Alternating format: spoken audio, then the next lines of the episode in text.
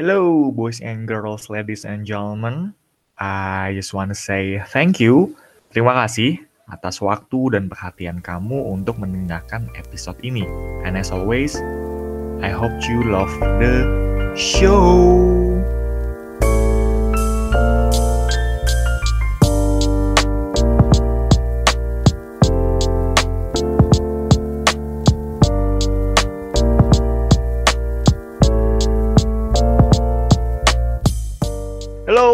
Boys and girls, ladies and gentlemen. Welcome back to Chill Boy Show with me, the one and only Ambernas Biaditya Putra bersama Mbak Andi Novianti Rukmana, aka atau biasa dipanggil Mbak Pio.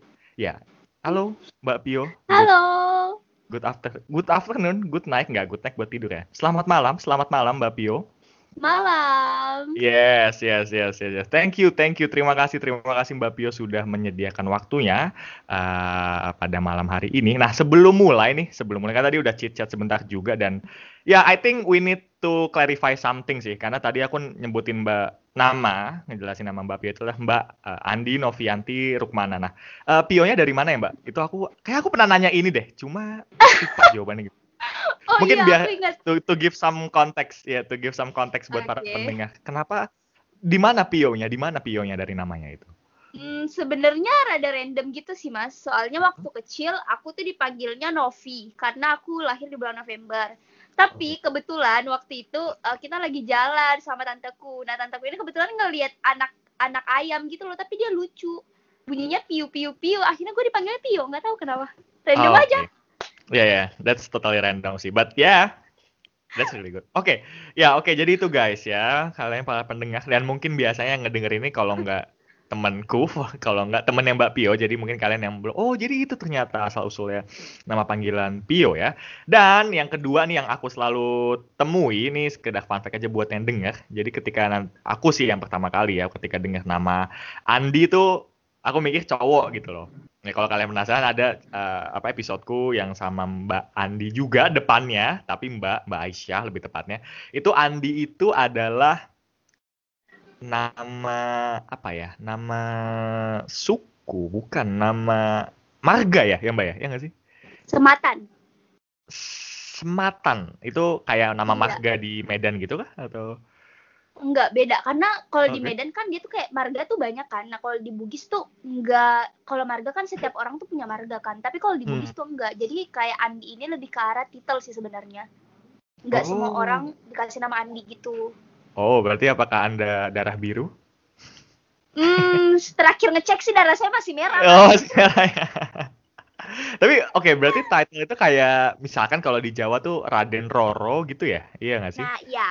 Oh iya, berarti Anda bangsawan ya. Wow, wow, this is my pleasure. This is my pleasure. Aduh, gua nggak suka sih. Gue sukanya disebut Tio aja. Oke, yes, oke. Oke, Mbak Pio. Aku nyebutnya Mbak Pio ya, that's, that's ya karena Iya. ya mungkin karena kebiasaan kali ya, karena gua kuliah di Jawa di Undip lebih tepatnya dan ya biasa manggil cewek Mbak. Biasa lebih tua, tapi Oke. kita umuran kan ya? Kita angkatan 16, ya Mbak 98 juga Iya, kan ya? benar kita Ah, seumuran. Aku panggilnya apa nih? Mas Amran, Ya Amran. udah. Itu terserah Mbak aja deh. Oke. Ambran mau terserah. Kalau aku emang biasanya udah habit sih. eh, manggil cewek Mbak. Entah itu setara atau adik kelas atau lebih tua. But anyway, oke. jadi to give some context ya. Kenapa aku ngundang Mbak Pio pada malam hari ini? So I think uh, I want to tell a story how we met ya. Karena kebetulan kita itu bukan satu kampus ya. Mbak Pio itu dari psikologi, sama-sama jurusan psikologi, cuma bedanya itu Mbak Pio di dari Universitas Mercubuana ya, Iya. Mercubuana dan aku di Universitas Diponegoro ya. Bisa dilihat beda ya, di Semarang sama di Jakarta. Dan kita bertemu itu di, aduh aku lupa namanya, Musyawarah Nasional, bukan Rakornas. Rakornas, rapat koordinasi. Yes, Rakornas. Rakor- Ya. Yes, Rapat Koordinasi Nasional itu Rapat Koordinasi Nasional ILMPI, Ikatan Lembaga Mahasiswa Psikologi Indonesia. Ya, benar kan ya? Yes, yes. Dan Mbak Pio ini adalah PHPI-nya, guys. Jadi bisa dikatakan dia lebih tinggi di sana secara organisasi ya. Dan ya, dia karena PHPI wajib ke sana dan kita ketemu di sana dan short introduction Mbak Pio hmm, apa ya? Ngomongin nggak aku aku aku ingetnya gini sih correct me if I'm wrong ya. Oke oke oke. Jadi aku bawa bukunya Sartre, Jean Paul Sartre itu yang tentang kekuas seks dan kekuasaan seingatku gue. Terus aku bawa buku, ya aku nggak tahu sih kenapa aku bawa buku ke rapat gitu, tapi kayak buat nunggu sambil baca. Aku bawa buku itu ke situ, terus Mbak Pio lihat, eh bagus mas, ya nggak sih kayak gitu sih. Eh baca lagi baca ini mas, dari, dari kayak gini. Nah terus setelah itu ngomong, oh Mbak tahu Jean Paul Sartre? Iya mana, nah nah nah nah nah nah nah nah nah terus ta, apakah kita juga ngomongin uh, pasangannya Saktre si Simon Simon de Beauvoir Iya. yang Masnya Simon de- ngasih tahu akhirnya aku baca buku itu. Oh yes yes Iya. yes yes yes ya basically we are a geek guys maksudnya kita kutu buku banget ketika kita ya I know but uh, ketika aku nemu orang yang suka baca buku terus kayak oh iya iya benar benar benar benar. nah di situlah aku nge apa ya ngenanya sih ngenanya tentang how can I say that? Uh, dunia wanita lah let's say kayak gitu dunia wanita kayak "Oh, menurut Mbak Pia tuh apa kayak misalkan hal-hal yang cinta tuh gimana sih? Eh, jodoh tuh gimana sih? Eh, pandangan-pandangan gini karena ya. Ya I just want to know about girl dan ya akhirnya kita kenalan di situ kita kenalan di situ dan stay in touch sampai sekarang. So ya I just want to say terima kasih telah tetap berkontak-kontak denganku sampai sekarang. Kita udah berapa tuh? Dua tahun ya? Dua tahun ya. Yes, tahun 2019 guys sebelum kalian sebelum kita disuruh lockdown nih kita kemarin tuh di Lampung ya di Lampung. Itu Iya, kita benar. ke pantai kita ke pantai kita ya kita ke pantai doang sih sebenarnya sih saya rapat doang but ya thank you. Thank you universe. Thank you for uh, apa ya to have uh, to give an opportunity to meet a person a woman like Mbak Pio so I really grateful to meet you there. So thank you thank you ya itu Aku juga eh, makasih sih bisa ketemu sama Mas Amran. Aku banyak pengetahuan akhirnya. Thank you Iya. Mas. Yes, yes, yes, yes. Iya sih benar sih. Ya, yang aduh kok aku jadi GR banget ya. Tapi maksudnya kayak, iya. That's, that, that's kind of speech ya. tapi That's kind emang of- eh tapi emang pembicaraan kita tuh random. Yes. Kalau Mas Amran inget ngomonginnya jurnal atau buku udah. Oh iya benar. Yes, Iya. agree ya. Kayak pas itu kita juga pernah ngebahas apa ya? Aku lupa yang hmm, jurnal tentang Selingkuh bukan sih penelitian terakhir. apa ya yang Yes, ya, ya, selingkuh jadi yang di WhatsApp itu ya, ya, ya, ya, ya, ya. Yes, yes, selingkuh terus kayak, ya, I know guys, but we're really having a conversation yang biasanya orang-orang tuh nggak tertarik gitu loh sama conversation itu, but I know we're really passionate about it, especially about psychology things ya. Dan maybe I can, ya ini udah terlalu random banget sih, but I think we can start because karena aku kayak bisa jump from anywhere nih. Tapi aku kayak mau start kayak ini sih yang kan Mbak Pio penelitiannya campuran ya, mixed method Iya. ya. ya. So, can you tell the experience of uh, doing mixed method di skripsi gitu? Karena kalau aku pribadi ya, aku tuh kuanti doang dan itu udah kayak it takes a lot of time and effort. Tapi uh, how did it feel for you? Uh, how did it feel dan what's in on your mind to choose uh, mixed method? What's the reason behind it? Eh, reasonnya sebenarnya satu doang sih. Karena aku merasa bahwasannya itu adalah keputusan yang tepat satu. Yang kedua adalah ketika aku melakukan itu, aku bisa mendapatkan hasil yang lebih dalam. Di mana aku berharap penelitianku ini bisa membantu orang-orang yang eh, selama ini tuh dirasa nggak penting gitu loh. Eh, maksudnya penyintas kehilangan dari bunuh diri orang merasa itu nggak penting, tapi mereka adalah sa- eh, salah satu eh, kategori yang eh, bisa juga dikatakan rentan gitu karena rata-rata eh, 60 atau berapa persen aku agak lupa di penelitianku itu bahwasanya orang yang pernah ditinggalkan karena bunuh diri besar kemungkinan dia juga bakal bunuh diri. Jadi Hmm. eh, kenapa kita nggak menolong menolong orang yang sedang membutuhkan gitu?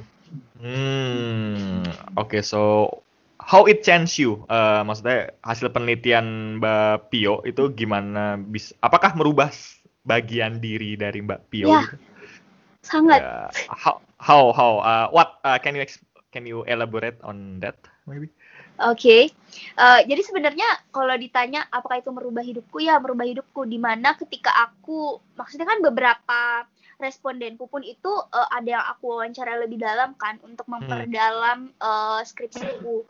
Nah, ketika aku mewawancarai mereka, aku jadi sadar gitu loh bahwasannya eh, kita pasti pernah gitu loh berada di titik terendah dan beberapa orang mungkin memikirkan untuk meninggalkan dunia ini. Tapi aku sadar bahwasannya ketika kita meninggalkan dunia ini eh, tidak berhenti di situ gitu loh. Kita meninggalkan duka juga untuk orang-orang di sekitar kita. Hmm, Dan- yes, yes, yes, yes. Ya, itu menyakitkan sih.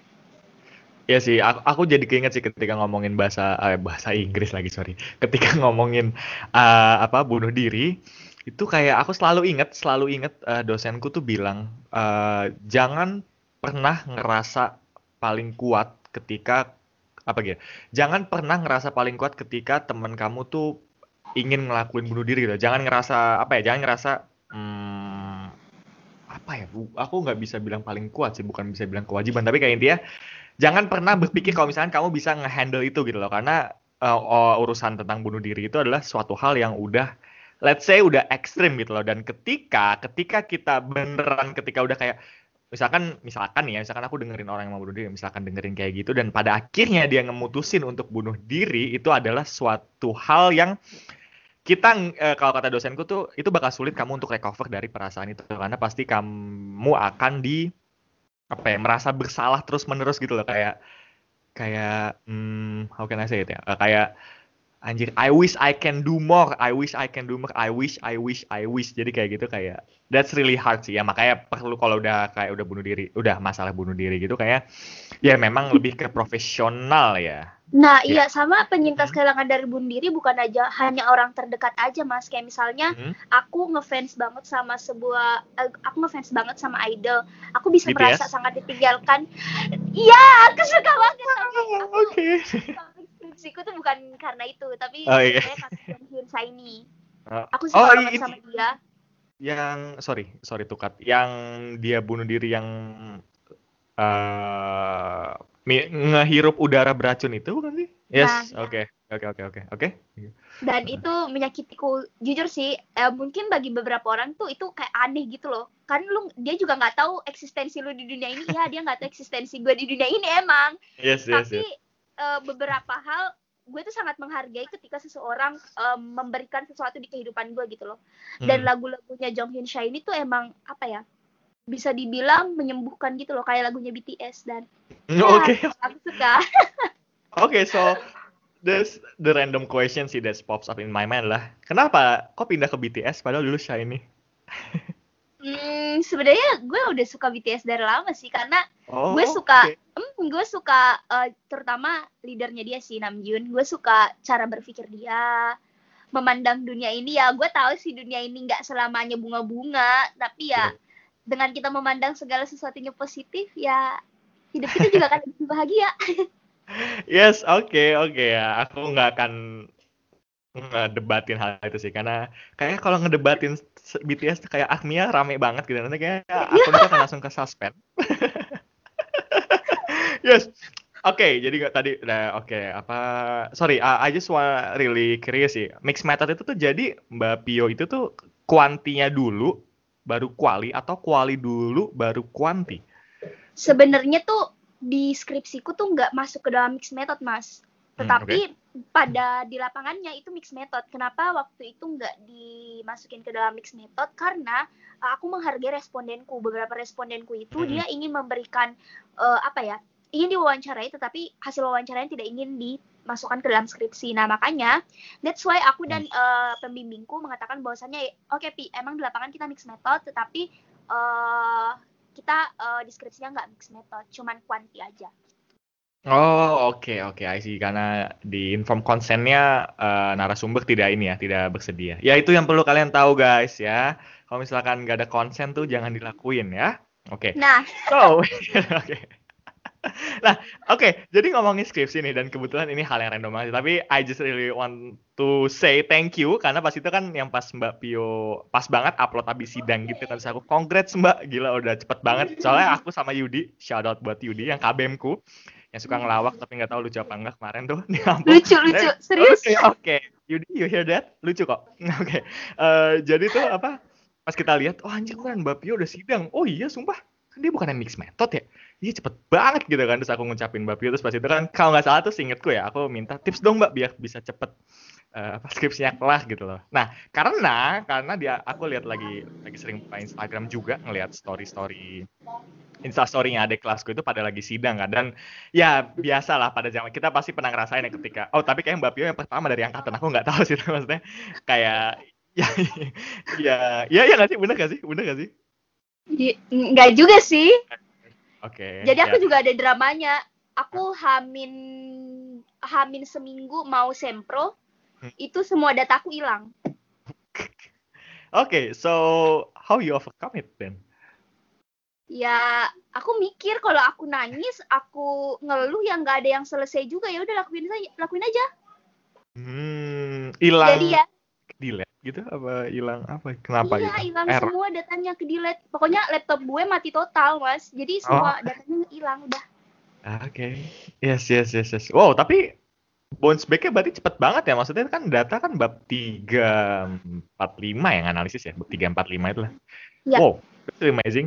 Dan itu pertanyaanku. Apa karena berhubungan juga karena dulu aku ngerasa nggak bisa anjir temen gue udah sidang nih aduh gue belum nih lama kayak gitu kan apa Mbak Pio kira-kira dari tips Mbak Pio nih yang masih Mbak Pio juga sampaikan ke aku sih sebenarnya tapi mungkin juga pada di Uh, apa tips untuk mengerjakan skripsi supa- supaya mengerjakan skripsi rajin dan supaya sidangnya cepet Kerjanya harus stabil. Misalnya aku Hmm. setiap jam 5 subuh habis sholat subuh tuh aku pasti buka laptop, mau mood mau nggak mood pokoknya buka pasti ntar nulis kok.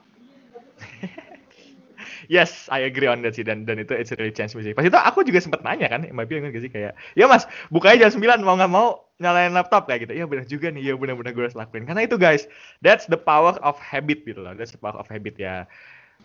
Ter- terserah mood lo lagi nggak mood atau enggak, tapi ya that's really amazing sih what's uh, about human being tuh. Ya pasti lu buka aja dulu nanti juga bakal nulis. Ya sesampah-sampahnya nulis gitu. Yang penting nulis, enggak nulis sih ngetik ya, ngetik lah gitu apa pun itu diketik gitu. Yes, oke itu just a random thing sih. So kita 15 menit berlangsung. Kita, ya aku baru mas mau masuk yang tadi awal juga aku bilang kalau misalkan penasaran banget, penasaran pakai banget sama wanita karena wanita itu ya, I don't know, but wanita itu kompleks, kompleks creature, makhluk ciptaan yang sangat Cowok juga sama Ya, aja oke. sebenarnya. Oke, yes. Tapi kalau dia nggak tahu ya, uh, ya feel free to correct me ya. Maksudnya kalau yang sering dipahami itu kan kalau misalkan cewek emosional, cowok lebih ke logik ya. Jadi kan kayak cowok ya nggak suka ya bilang ya, ya ya, enggak enggak gitu loh. Tapi kan kalau cewek kan I don't know, but I'm really sorry ini trigger warning banget. Tapi kayak cewek, ya terserah ya apa, apa kayak gitu gitu loh. Jadi kayak I know in my opinion ya, tapi ya Mbak Pio bilang cow- cowok juga kompleks sih. Well, I don't think cowok lebih uh, sama kompleksnya dengan wanita, but okay, that's Enggak. what. Okay. Contohnya Mas Amran, Mas Amran lumayan kompleks loh menurut aku. Oh, eh, why, why, why you can say say it, say it? Hmm, ya menurutku maksudnya ya sama aja sebenarnya. Kalau misalnya di, ya dibilang eh, kalau cewek lebih sensitif cowok lebih logik ya beberapa ada beberapa cewek kok juga yang bisa pakai logika. Jadi ya Mas Amran juga kompleks menurutku. Iya yang sih mungkin. alasannya tidak bisa kujelaskan gitu loh Ya, ya, ya mungkin karena kita belajar sama sama sama belajar psikologi gitu nggak sih, Ma? Jadi kayak kita tahu gitu lah satu perilaku di ada beberapa alasan dan alasan tuh nggak bisa satu banget kalau satu banget tuh masuk ke deter. Ya itu perdebatan determinisme atau free will Nah, itu menarik ya. Tapi ya kita nggak akan bahas itu guys itu karena I think it's a philosophical discussion. Oke, topik utama jadi ngebahas tentang wanita. Nah, aku itu karena ngebahas tentang wanita bukan karena ke hal-hal mainnya. Maksudnya kayak aku pengen ngehack dalam tanda kutip ngehack mating jadi kayak misalkan gimana sih mbak biar di atraktif sama cewek? gitu loh. What really cewek desire dari seorang cowok? gitu loh. Ya well maybe we can uh, going into that but maybe later. Tapi aku penasaran sih karena ngomongin cewek itu dan ya kebetulan pas ketemu mbak Pio itu bacanya lagi buku Sartre dan Simone de Beauvoir de de Beauvoir de Beauvoir de Bavier ya pokoknya itulah nama Jerman. Susah emang orang-orang Jerman dan Perancis. Dan itu dia itu sangat eh, eh, apa ya sangat into banget di dunia-dunia feminis. Dan yang aku bisa judge ya aku tahu sih maksudnya kalau anak psikologi itu selalu bilang kayak you can judge people by your own opinion. Ya but I think we can judge properly gitu loh. Ya not tidak brutally tapi properly gitu. Dan aku ngeliat kalau Mbak Pio nih ya ini feel free to correct me ya. Mbak Pio tuh sosok cewek yang let's say independent woman gitu. I can say it independent gitu. Kan kayak menurutku pas banget gitu lah ngajak Mbak Pio untuk discuss ini. Dan ya itu sih pertanyaan pertama yang dari awal sih. Sejarah feminis tuh gimana sih Mbak sebenarnya? Uh, singkatnya adalah sebenarnya itu tuh mulai di abad ke-18 kan, tapi mulai berkembangnya itu di abad ke-20-an, Mas. Nah, yang aku bisa highlight sebenarnya adalah uh, intinya kenapa uh, si gerakan ini ada karena ya ingin menentuk hak-hak misalnya hak politik, ekonomi, pribadi, terus hak sosial sih yang pada saat itu memang uh, dianggap bahwasannya wanita itu menjadi makhluk nomor dua kayak gitu. Sebenarnya intinya tuh kayak gitu, tapi ya hmm berkembang menjadi banyak gitu kan. Ya. Yeah. Sekarang. Oke okay, oke. Okay. So it start from uh, abad 18 ya, abad 18 berarti yeah. oke okay, abad 18 dan intinya adalah menyetarakan apa yang didapatkan cowok dan cewek gitu ya, laki-laki dan perempuan.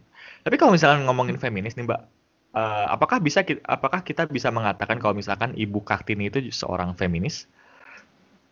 Hmm, mungkin aku nggak mau bilang iya atau tidak ya hmm, karena iya. uh, psikologi banget dah lu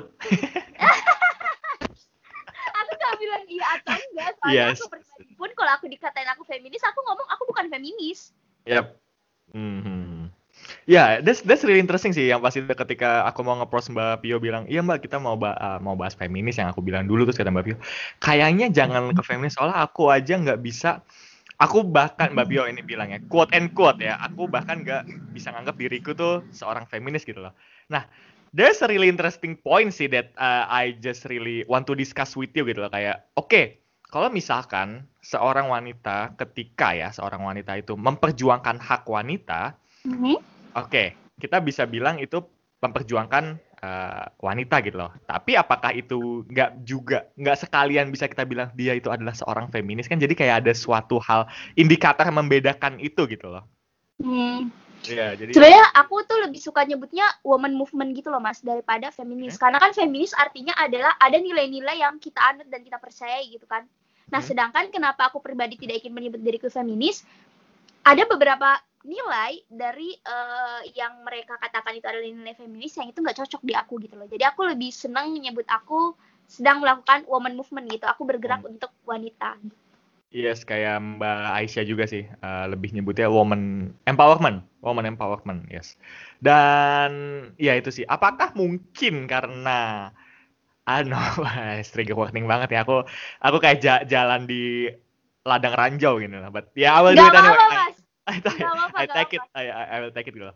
Kayak gini loh, apa? Uh, apakah mungkin karena istilah feminis ini terlalu dikaitkan dengan hal-hal yang ekstremis gitu loh, ekstrim. Let's say misalkan kayak ini, this is tricky one sih, kesetaraan gender ya kan, itu kan masuk ke uh, eh, SDGs ya, masuk ke SDGs-nya UN, Gender Equality. I forget nomor 4 apa 6 gitu loh, but anyway, di situ kan oke okay, gender equality. Yes, equality. Equality of apa? Equality of uh, apa? Opportunity. Yes, that's good.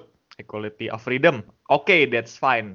Tapi ketika ini yang aku dengar di perdebatan orang-orang barat itu ya, equality of outcome. Nah, ketika di sini tuh mereka kayak seakan-akan tuh cross the line. Kenapa? Karena kayak pekerjaan yang dilakukan wanita dan pria itu berbeda, tapi kenapa uh, kenapa para para feminis ini ingin mendapatkan gaji yang sama dengan para pria gitu loh. Nah itu kan, tapi itu harus di breakdown ya, maksudnya KPI-nya, tanggungannya, beban kerjanya itu kayak gimana. Tapi itu basically berbeda, kenapa? Karena maksudnya contoh misalkan pria gitu, kebanyakan yang misalkan kerja di uh, eh, PLN misalkan, itu kan dia lebih berbahaya, hmm. lebih live lebih apa ya ya kesempatan matinya lebih gede lah terus misalkan di minyak di ujung sana gitu loh jadi kayak kesannya di situ tuh mereka itu yang feminis feminis ya kesannya itu ingin menyetarakan gaji tanpa harus menyetarakan beban pekerjaan atau risiko pekerjaan yang para pria ambil gitu loh. Ya, yeah, but I know, tapi maksudnya kalau aku misalkan yang bilang Bu Kartini menyetarakan uh, hak untuk mendapatkan pendidikan. Yes, that's good. I'm all in gitu loh. Mendapatkan pendidikan, terus mendapatkan uh, opportunity, kesempatan, kesempatan untuk bekerja keras, untuk mendapatkan jabatan, untuk naik pangkat atau apa pun itu. Yes, that's great gitu loh. Tapi ketika coming, yang ini aku masih struggle sih. Aku belum punya final solution ya. Tapi kayak ketika equality of outcome, I don't know. I just still think that that's a tricky way sih. Tapi kayak aku belum bisa thought on that gitu loh kayak tapi aku nggak pernah lihat sih jujur di Indonesia tuh kayak emang ada ya maksudnya yang menyetar yang ingin seorang feminis gitu yang ingin menyetarakan pendapatan uh, gajinya dengan seorang pria yang di atas gitu loh. Eh, ada nggak sih maksudnya? Tapi kayak itu kan jabatan yang sama juga, Kayak harus gitu, jabatan yang iya. sama gitu. Menurut Iya. aku sih kayaknya belum ada sih Mas di Indo karena Iya. menurut aku pribadi ya Mhm. eh, apa yang kita dapetin tuh harus setara dengan apa yang eh, kita lakuin gitu loh. Walaupun Yes. memang beban kerjanya berbeda ya emang gajinya pun emang harus berbeda gitu loh. Yes, yes, ya yes, kita yes. ya aku highlight ya Mas, kita tuh nggak bisa meminta sesuatu eh, ketika kita kurang melakukan sesuatu gitu loh. Ya, ketika kita kurang melakukan sesuatu. Wow, you you really say it properly ya. Wow, that's great, that's good. Yes, benar sih. Ya karena ketika mau mau meng, apa ya meminta mau meminta outcome ya kan gaji yang sama tanpa melakukan atau pengorban melakukan atau menyerahkan pengorbanan yang sama ya buat apa gitu loh buat apa gitu loh padahal itu kan hal yang beda basicnya aja beda but ya itu sih karena Nah. di barat tuh kayak lebih fem- lebih ekstremis banget oke sorry Wha- what, what Nah, want? that's why Mas, kenapa aku benci banget sama eh, cewek-cewek yang minta kesetaraan tapi mereka Oh. ingin diistimewakan gitu loh. Itu gue nggak kenapa tuh kenapa kenapa kenapa, kenapa? nggak bisa gue. Maksudnya Kenapa, kenapa tuh? lu kenapa pengen tuh? eh, lu pengen hak yang sama gitu loh dengan apa yang didapatkan laki-laki. Tapi lu tidak ingin menyamakan diri lu. Lu maksudnya eh, kesetaraan kan hadir ketika lu juga pengen bergerak gitu loh. Lu pengen menambah skill lu menambah wawasan lu. Nah ketika misalnya lu tidak ingin misalnya "Eh, gue cewek nih gue nggak bisa ngelakuin itu misalnya ya berarti lu juga nggak bisa meminta hal yang lebih gitu loh karena lu nggak bisa melakukan hal yang lebih. Hmm. jadi menurut gue apa yang kita dapetin harus setara juga dengan apa yang kita lakuin. Jangan Yes. meminta lebih kalau lu nggak bisa melakukan lebih. Yes. Can you say it, guys? Can you say? Can you? Can you say it? Can you hear it, guys? Ya, yeah, that's really a great point sih. Ya, itu dia bener sih. Aku juga kadang-kadang agak eh, cuma ya itu sih ya. I know, I just stress lagi. But anyway, oke. Ngomongin feminis dan aku pengen nanya sih karena mungkin Mbak Pio karena tadi udah nyebut kalau misalkan nggak suka sama beberapa orang yang kayak gini-gini gitu loh yang tadi Mbak Pio bilang gitu loh. Dan itu this is I just want to know your opinion sih. Kapan sih menurut Mbak Pio tuh feminis seorang feminis gitu loh goes too far gitu loh. Udah ngelewatin batas tuh kira-kira Mbak Pio punya pengalaman di itu nggak atau bisa ngeidentifikasi nggak? Eh kalau aku sebenarnya simple sih mas. Mhm. feminis kan maksudnya eh, gerakan untuk membela wanita tuh hadir untuk eh, pemenuhan hak hak hak wanita gitu kan. Hmm. Ta- Tapi terkadang hak-hak yang mer- kita rasa itu tuh nggak sama dengan konsep kita. Kita bisa mengatakan itu patriarki gitu loh. Kayak Hmm. contohnya, pernah kan rame di Twitter bekal buat suami cek. Nah akhirnya tuh Nggak tahu. rame kan di Nggak komenin. tahu itu. Nah Kenapa? Di komenin si cewek ini betapa si cewek ini memuja laki-laki dan itu dianggap patriarki menurutku enggak karena toleransi dan batasan setiap orang berbeda-beda kita balik lagi Eh, fe- eh, gerakan feminis ini hadir kan untuk me- pemenuhan hak-hak wanita gitu di mana kita berhak eh, memiliki pilihan dan kita berhak memilih gitu loh kan Hmm. itu pilihan si mbaknya tadi. Apa yang salah gitu loh ketika dia memilih untuk eh, masak buat suaminya? Hmm. nggak ada yang salah dong karena dia nggak merasa dipaksa satu. Dan itu dia rasa itu dia punya pilihan untuk memasak dan nggak memasak kecuali dia dipaksa. Nah itu patriarki. Dan menurutku selama eh, kita bisa memilih kita memiliki pilihan itu menurutku bukan patriarki sih tapi lebih ke arah batas toleransi masing-masing orang. Jadi belum tentu karena itu nggak sama dengan konsep yang lu anut eh, langsung semena-mena itu adalah patriarki contohnya aja nih mas Mhm. yang gue lagi bete banget Oke, kenapa tuh? gue tuh makanya gue tuh kayak lagi jarang banget buka ini sih buka sosial media karena gue lagi bete banget ketika Huh? orang nge-compare sesuatu yang gak apple to apple gitu loh. Oke, can you ya detail ya it? contohnya nih eh, ya lu cowok tuh nggak tahu gimana rasanya hamil dan menstruasi Oke. yang gue katain dalam hati gue ya emang cowok nggak bakal ngerasain. Secara biologis kita udah berbeda. Sama halnya cowok tuh nggak boleh ngomong lu nggak ngerasain mbak gimana rasanya disunat? Ya emang gua nggak ngerasain karena kita tuh berbeda secara biologis. Please dong kalau mau compare sesuatu tuh apple to apple. Nah karena kita sadar bahwasannya kita berbeda secara biologis apa yang bisa kita lakukan adalah kita menghargai gitu loh. Kita menghargai dan mengkompromikan membicarakan gitu loh. kayak contoh misalnya Hmm. ketika menikah nanti eh, karena kan cewek punya hak atas tubuhnya kan baik itu Hmm. melahirkan dan lain sebagainya nah Oke. salah satu bentuk penghargaan kita kepada seorang wanita adalah eh, mengkompromikan gitu loh misalnya si istri ini nggak bisa hamil eh, dua kali cuman mau punya satu anak ya kan bisa dibicarakan baik-baik ya kan? Mhm. Sama halnya ketika nih kita ngerasa ya cowok kok pada patriarki sih dan lain sebagainya. Dunia eh, kita tuh si ce- cewek tuh nggak cuma struggle sendiri gitu loh mas, cowok-cowok pun lagi struggle dengan maskulinitasnya. Oh ya, orang that's, ngomong, that's banyak orang ngomong shit. bahwasanya eh cowok maskulin tuh harus suaranya eh, bass dan lain sebagainya, bukan cuma Oh, iya? Cowok-cowok pun kayak gitu. Dan aku nggak sepakat sih. Kalau Hmm. cowok maskulin tuh harus ngebas suaranya gimana buat orang-orang yang emang terlahir dengan pita suara cempreng. Dia harus Nah, operasi. yeah, I think that's I'm one of them kayaknya.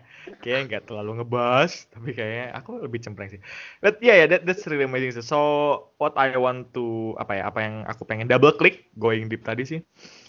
Eh patriarki itu suatu konsep yang menarik ya, yang aku penasaran sih. Eh, memang patri ya, itu ngomongin patriarki pasti ngomongin hierarki ya, pasti ada suatu let's say, hi- hierarki lah kayak gitu. Dan I don't know. Wait, ada. Hira Bilang patriarki. aja mas. Iya, iya, iya. I, I, I want to say Nggak it usah gitu. dipikirin kata-kata yang tepat. Be precise, harus mencoba, mencoba gitu. Jadi kan Oke, kalau patriarki itu siap, kan karena gini ya, karena there is a reason kenapa di cerita-cerita ya kita ngomongin Jung ya, ngomongin Jung, Carl Jung itu kalau misalkan archetype-nya kan pasti ada uh, evil uh, evil king sama wise king kan. Ya patriarki itu jadi masalah ketika seorang yang berdiri di atas itu adalah evil, tiran, tiran, seorang tirani, tiran, ya tiran kayak uh, apa namanya diktator yang kejam kayak gitu kan. Dan I don't know, ini menurutku pribadi ya, but uh, I want to really know your opinion loh. Karena kalau yang aku lihat nih ya, ketika feminis-feminis tadi ngomong kayak gitu, yang tidak ngebandingin apple to apple dan mereka uh, menuntut suatu hal yang it doesn't make sense, maybe for me ya, for me itu adalah kita itu belum pernah di sejarah ya, tapi nggak tahu mungkin Mbak Pia udah punya infonya, tapi dalam sejarah manusia kita tuh nggak pernah punya sosok uh, diktator itu seorang wanita gitu loh. Ngerti gak sih? Maksudnya kalau diktator itu kan kayak misalkan let's say uh, di Indonesia. Ya tau lah pokoknya siapa. Ya, I should be careful karena aku lupa udah ada polisi online ya. Itu ya kan. Terus di let's say di Jerman ya kan. Nazi Hitler ya kan. Terus kalau China maybe mau di Rusia Stalin maybe ya kayak diktator dia oke dan itu sih ya yang aku struggling banget sih kayak iya bener juga ya karena somehow contohnya kayak gini mbak tahu Justin Trudeau gak sih Pen, eh, con- eh, pemimpinnya Kanada dengar dengar. Iya, Justin Trudeau, eh, PM, Perdana Menteri, aku lupa, men presiden apa Hmm. Perdana Menteri kalau di Kanada. Intinya tuh dia itu ngebuat suatu kebijakan pas dia kepilih, dia itu ngebuat suatu kebijakan di tahun 2000, ileknya aku lupa. Pokoknya dia itu buat kebijakan kalau misalkan menteri-menterinya itu harus 50% cewek sama 50% cowok. Oke? Dan ketika ditanya, kenapa? Apa alasannya gitu loh? Apa alasannya? Dan dia seingetku ya, nanti cari aja di YouTube kalau misalkan aku dikira bohong gitu lah yang tadi dengerin juga. Eh apa dia tuh bilang ya karena ini 2015 because it's 2015 gitu loh. Jadi kayak ya karena ini modern, progresif gitu loh.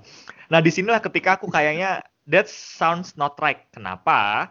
Ya Mbak Mbak Pio feel free to debate ya karena ketika kita ingin memilih sosok yang pemimpin gitu loh, kita bukan memilih sosok seorang pemimpin yang bertanggung jawab besar, yang mengorbankan hal besar, dan keputusan-keputusan itu pasti mempengaruhi arah negara, especially seluruh penduduknya gitu loh. Kita tidak memilih orang yang menduduki jabatan itu yang punya power dalam tanda kutip itu dengan uh, genitalnya, dengan jenis kelaminnya, dengan bentuk alat kelaminnya gitu loh. Tapi kita memilih berdasarkan kompeten ya kan, berdasarkan dia pengalamannya bagus nggak, maksudnya dia kompeten nggak, punya skill yang bagus nggak, punya skill yang cocok di bangku itu. Nah, ketika dia shifting hal itu ke pemilihan karena 50% pria dan wanita, karena pria dan wanitanya bukan masalah kompetennya gitu loh. Dan di situlah aku ngelihat kayak, uh, aku pas dengar itu sih pas ngeliat kayak, this is not right gitu loh. Karena we just, they, he just select based on gender dan itu menurutku that's really cross the line gitu loh. Tapi bukan berarti aku bilang kalau misalkan that's not a good things to do ya. Ya, I don't know Kanada itu kayak gimana, tapi menurutku that's a, that's when they cross the line especially uh, woman studies maybe atau feminis-feminis yang agak ekstrim sih.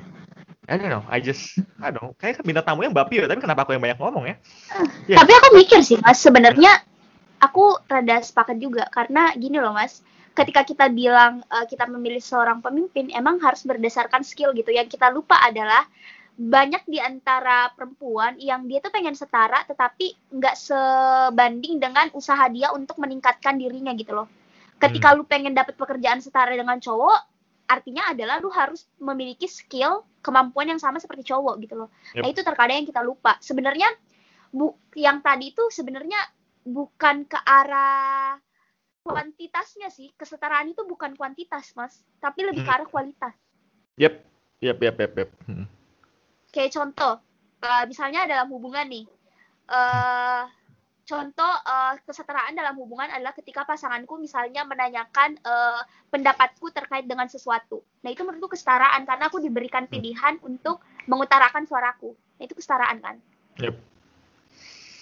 Iya ya benar sih kesetaraan untuk mem kesetaraan untuk memilih pilihan lah, let's say kayak gitu ya. Oke. Okay. Nah iya. Yes, dan itu menarik sih. Berarti apakah Mbak, ini random sih, aku mau kepikiran nanya aja. Ya karena acara ini emang isinya random semua sih. Uh, apakah Mbak Pio itu tim free will atau tim determinism? Enggak keduanya kali. Kenapa? Why? Why? Kalau nggak keduanya berarti nggak bisa memilih kayak... dong. Padahal maksudnya padahal tadi Mbak Pio bilang kalau misalkan wah ini aku strawman banget nih. Maksudnya karena kan Mbak Pio tadi uh, apa untuk memilih gitu. Kita punya kemampuan untuk memilih gitu hak untuk memilih. Tapi hmm. ini cuma just for fun aja sih maksudnya. Apakah Mbak Pio lebih cenderung ke determinism atau ke free will? Sepertinya Jadi, lebih cenderung ke yang kedua. Kedua tuh free will ya. Hmm. Yes, but dan it sounds like hypocrite karena kan kita belajar psikologi kan. Karena setiap perilaku itu yeah. ada kausanya kan. Berarti harus determin iya. Ya ya ya itu. Tapi itu emang. ya emang ada beberapa perilaku ya hmm, gimana ya ngejelasin ya ya ya itu itu emang itu just debate for fun aja sih aku juga nanya-nanya kayak gitu karena ya oh mungkin buat yang denger nggak tahu apa nih Amran sama Mbak Pio ngomongin determinism sama free will ya? Itu jadi itu perdebatan guys karena kalian tuh milih itu karena kehendak bebas kalian untuk memilih pilihan yang ada atau karena kalian dipengaruhi oleh dipengaruhi oleh orang lain gitu loh. Kita nggak punya hak kehendak bebas yang bebas beneran milih. Oke ini mungkin yang denger ya. Jadi awalnya aku aku sih jujur aku, aku pas awal kayak free will banget free will banget. Apalagi setelah baca bukunya Viktor Frankl uh, Man Search for mm-hmm. Meaning itu pokoknya. ya itu free will banget lah aku kayak oke okay, gue tim free will banget. Cuma ya semakin ke sini semakin kayak mendaup itu karena gini argumen terbesar yang menurutku masuk banget ketika argumen free will itu adalah kayak gini gimana kamu bisa yakin kalau misalkan kamu tahu kamu itu punya kehendak bebas dari orang lain jadi kan kayak kita dikasih tahu orang lain kalau kita itu kehendak kita punya kehendak bebas loh lah Justru hmm. kamu ketika kamu bertindak ke atas nama kehendak bebas yang dikasih tahu orang lain itu berarti kamu bertindak atas orang lain bukan atas kehendak bebas kamu. Terus kayak oh shit. That's makes sense. Tapi ya. hmm. ya. Please ya. Mas, ya. kasih tahu gue judul bukunya gue jadi penasaran. Itu sebenar jadi gini. Aduh, aku gue lupa lagi di nanti gue kasih. Tapi seingat gue tuh itu dibahas uh, Erich Fromm, Mbak atau Erich Fromm ya, Erich Fromm si psikoanalisis ya pokoknya dia ngebahas buku nanti gue uh, cari deh abis ini. Gue lupa judulnya tapi di situ dia itu ngebuat case yang dia itu free will banget. Dia ngedefense free will. Jadi kita tuh sebenarnya nggak determinism.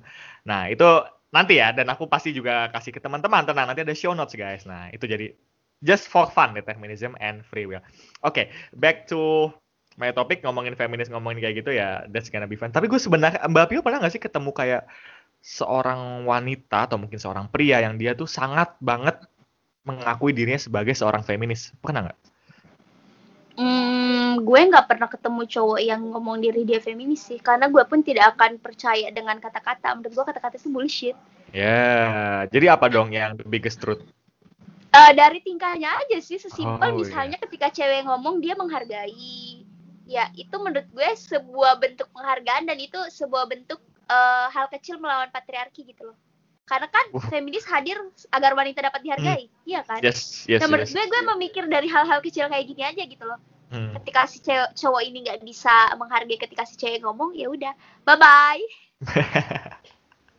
yes, tapi kalau ketemu feminis yang cewek apakah ada gitu pernah nggak mbak Pia? ada oke okay, uh, can you oke okay, can you describe uh, day day gitu loh karena mm aku tuh belum pernah ketemu yang mereka mengaku kalau mereka tuh feminis banget gitu loh, gitu loh. Aku penasaran sih gimana sih, karena aku jujur banget, aku pengen banget gitu loh, karena aku sejauh ini tuh nge-challenge misalkan SJW, feminis, environmentalist kayak gitu tuh aku nge-challenge pendapat-pendapat mereka. Cuma aku nggak pernah punya dialog sama mereka gitu loh. Kira-kira gimana sih orangnya Mbak? Maksudnya, I know. Tapi- Hmm, kayaknya Mas Amran itu pernah ketemu ini deh, ketua BEM UI pada zaman itu. Kokon. Oh yeah, ah yes, iya iya iya. Ya. Dia? Oh really? Ya. I, I, I didn't see. Pas itu aku nggak terlalu aware sih. Oh iya ya. Well, okay. I think I should invite her in the next episode. But let's see. Okay, okay, okay, okay, okay, okay, okay. Noted, noted. Thank you, thank you. Ya, yeah. okay. I, I think, yeah. Don't judge, but I will dig into her nanti deh ketika ada satu episode lagi. Oke.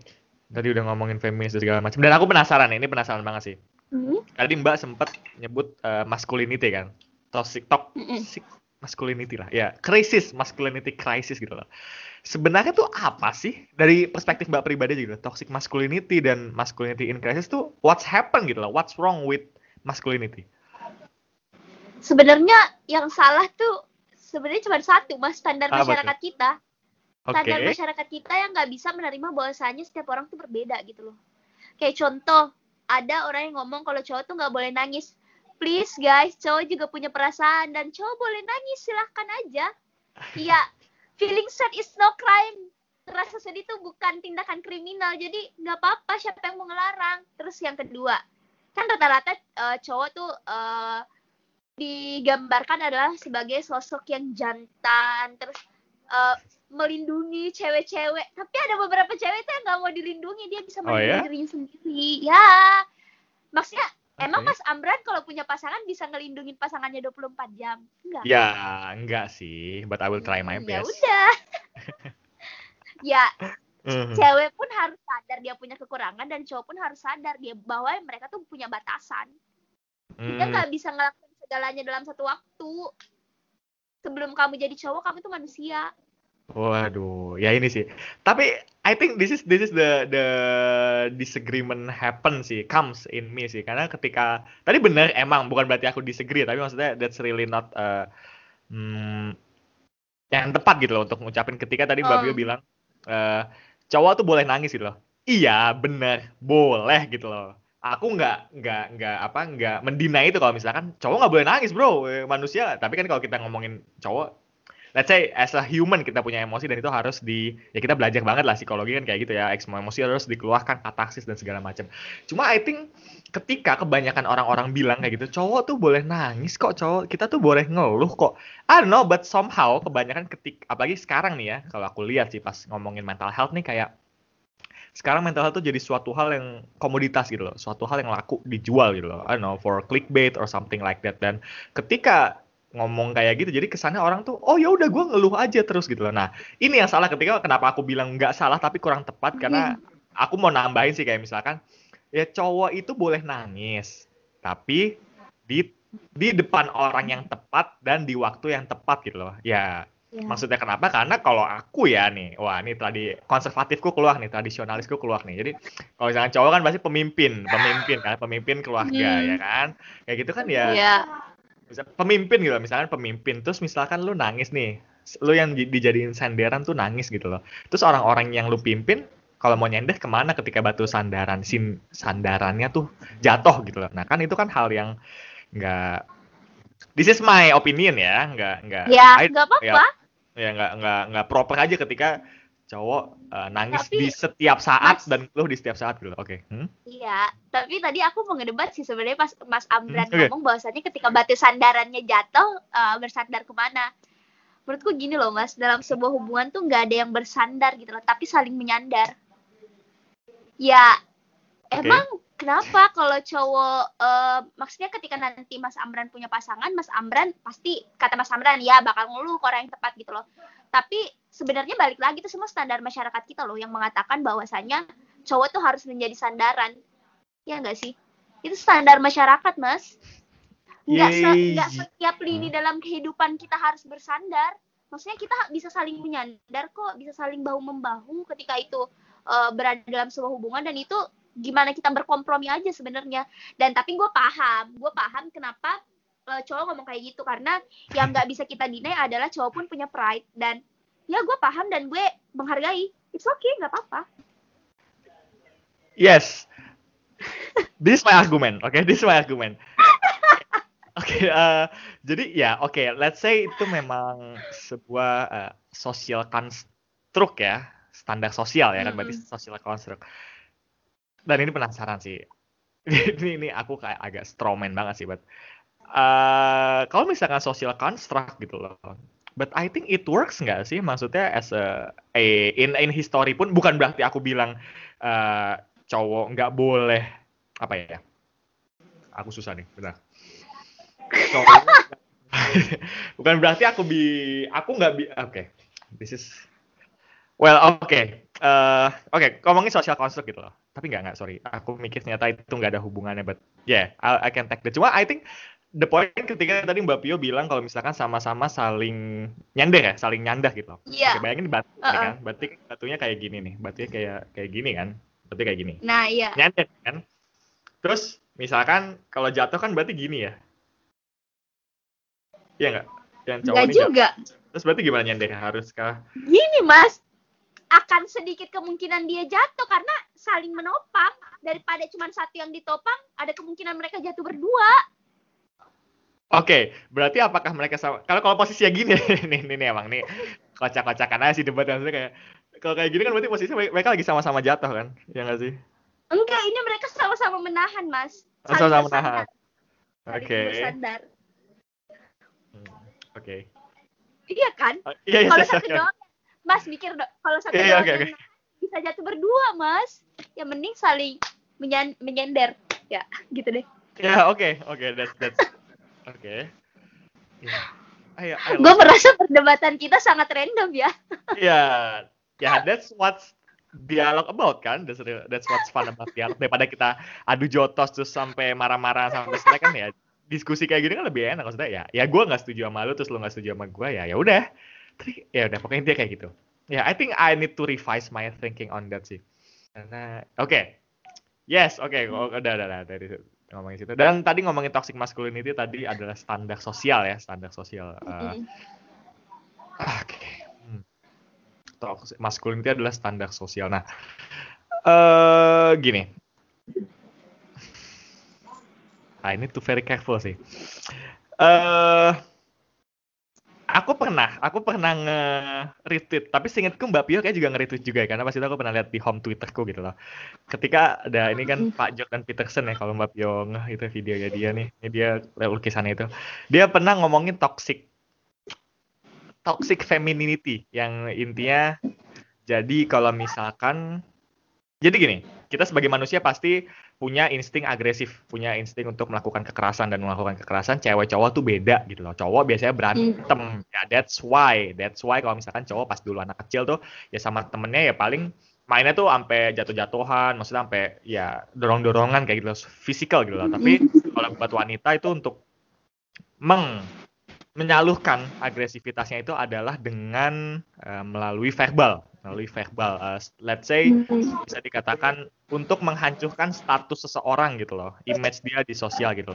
Nah, kenapa pas Jordan Peterson ngomong kayak gitu dan menurutku klik banget adalah ketika dia bilang, ya kalian lihat aja media sosial sekarang. Media sosial tuh gampang banget kalian mau ngancurin status orang, kredibilitas seseorang melalui suatu tweet atau suatu postingan, suatu postingan dan mereka langsung hancur tuh bisa banget dan itu ada kepuasan sendiri dan itulah that's why I don't know but correct me if I wrong ya tapi ketika terutama nih di Twitter tuh ada loh kalau aku ya ada loh feminis tuh yang aku nggak bilang dia punya pendapat yang valid cuma aku bilang pendapatnya berisik gitu loh maksudnya berisik tuh kayak dia noisy gitu loh.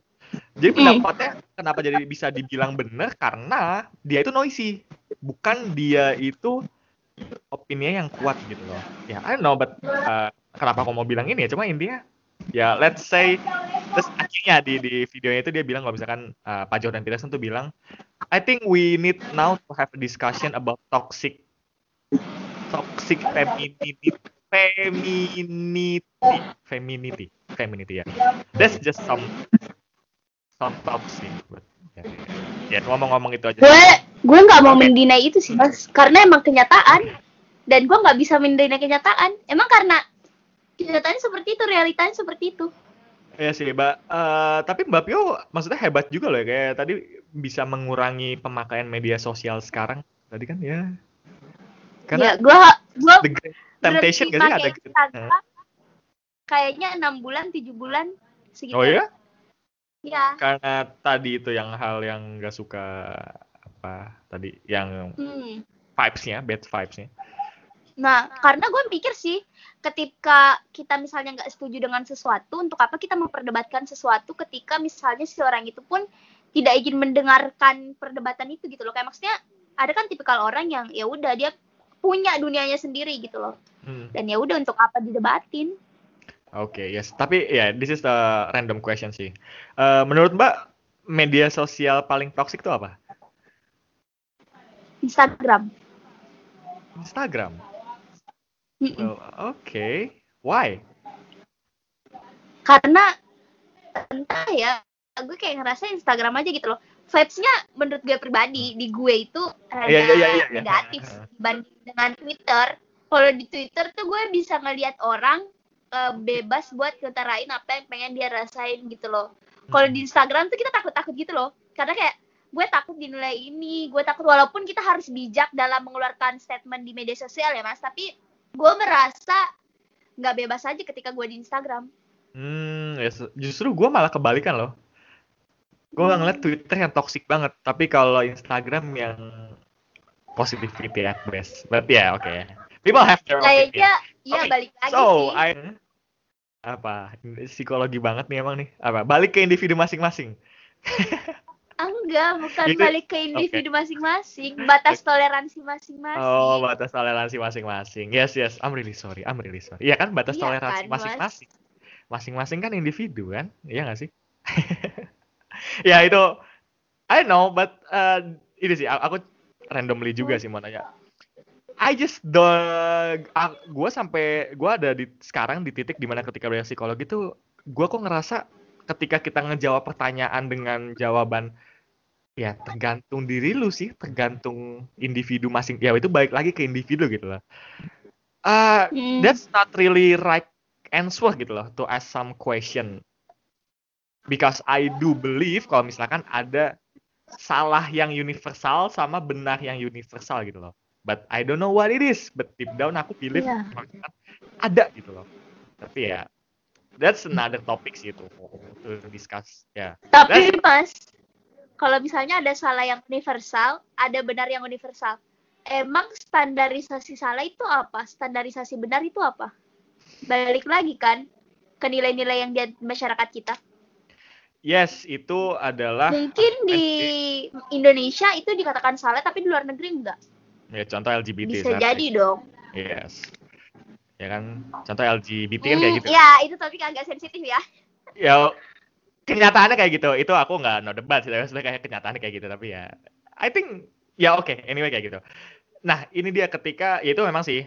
Itu adalah moral tuh bisa disebut ya moral kan moral ngomongin benar atau salah kan itu bisa disebut karena konstruk sosial. Tergantung budayanya. Contoh misalkan kalau di Indonesia.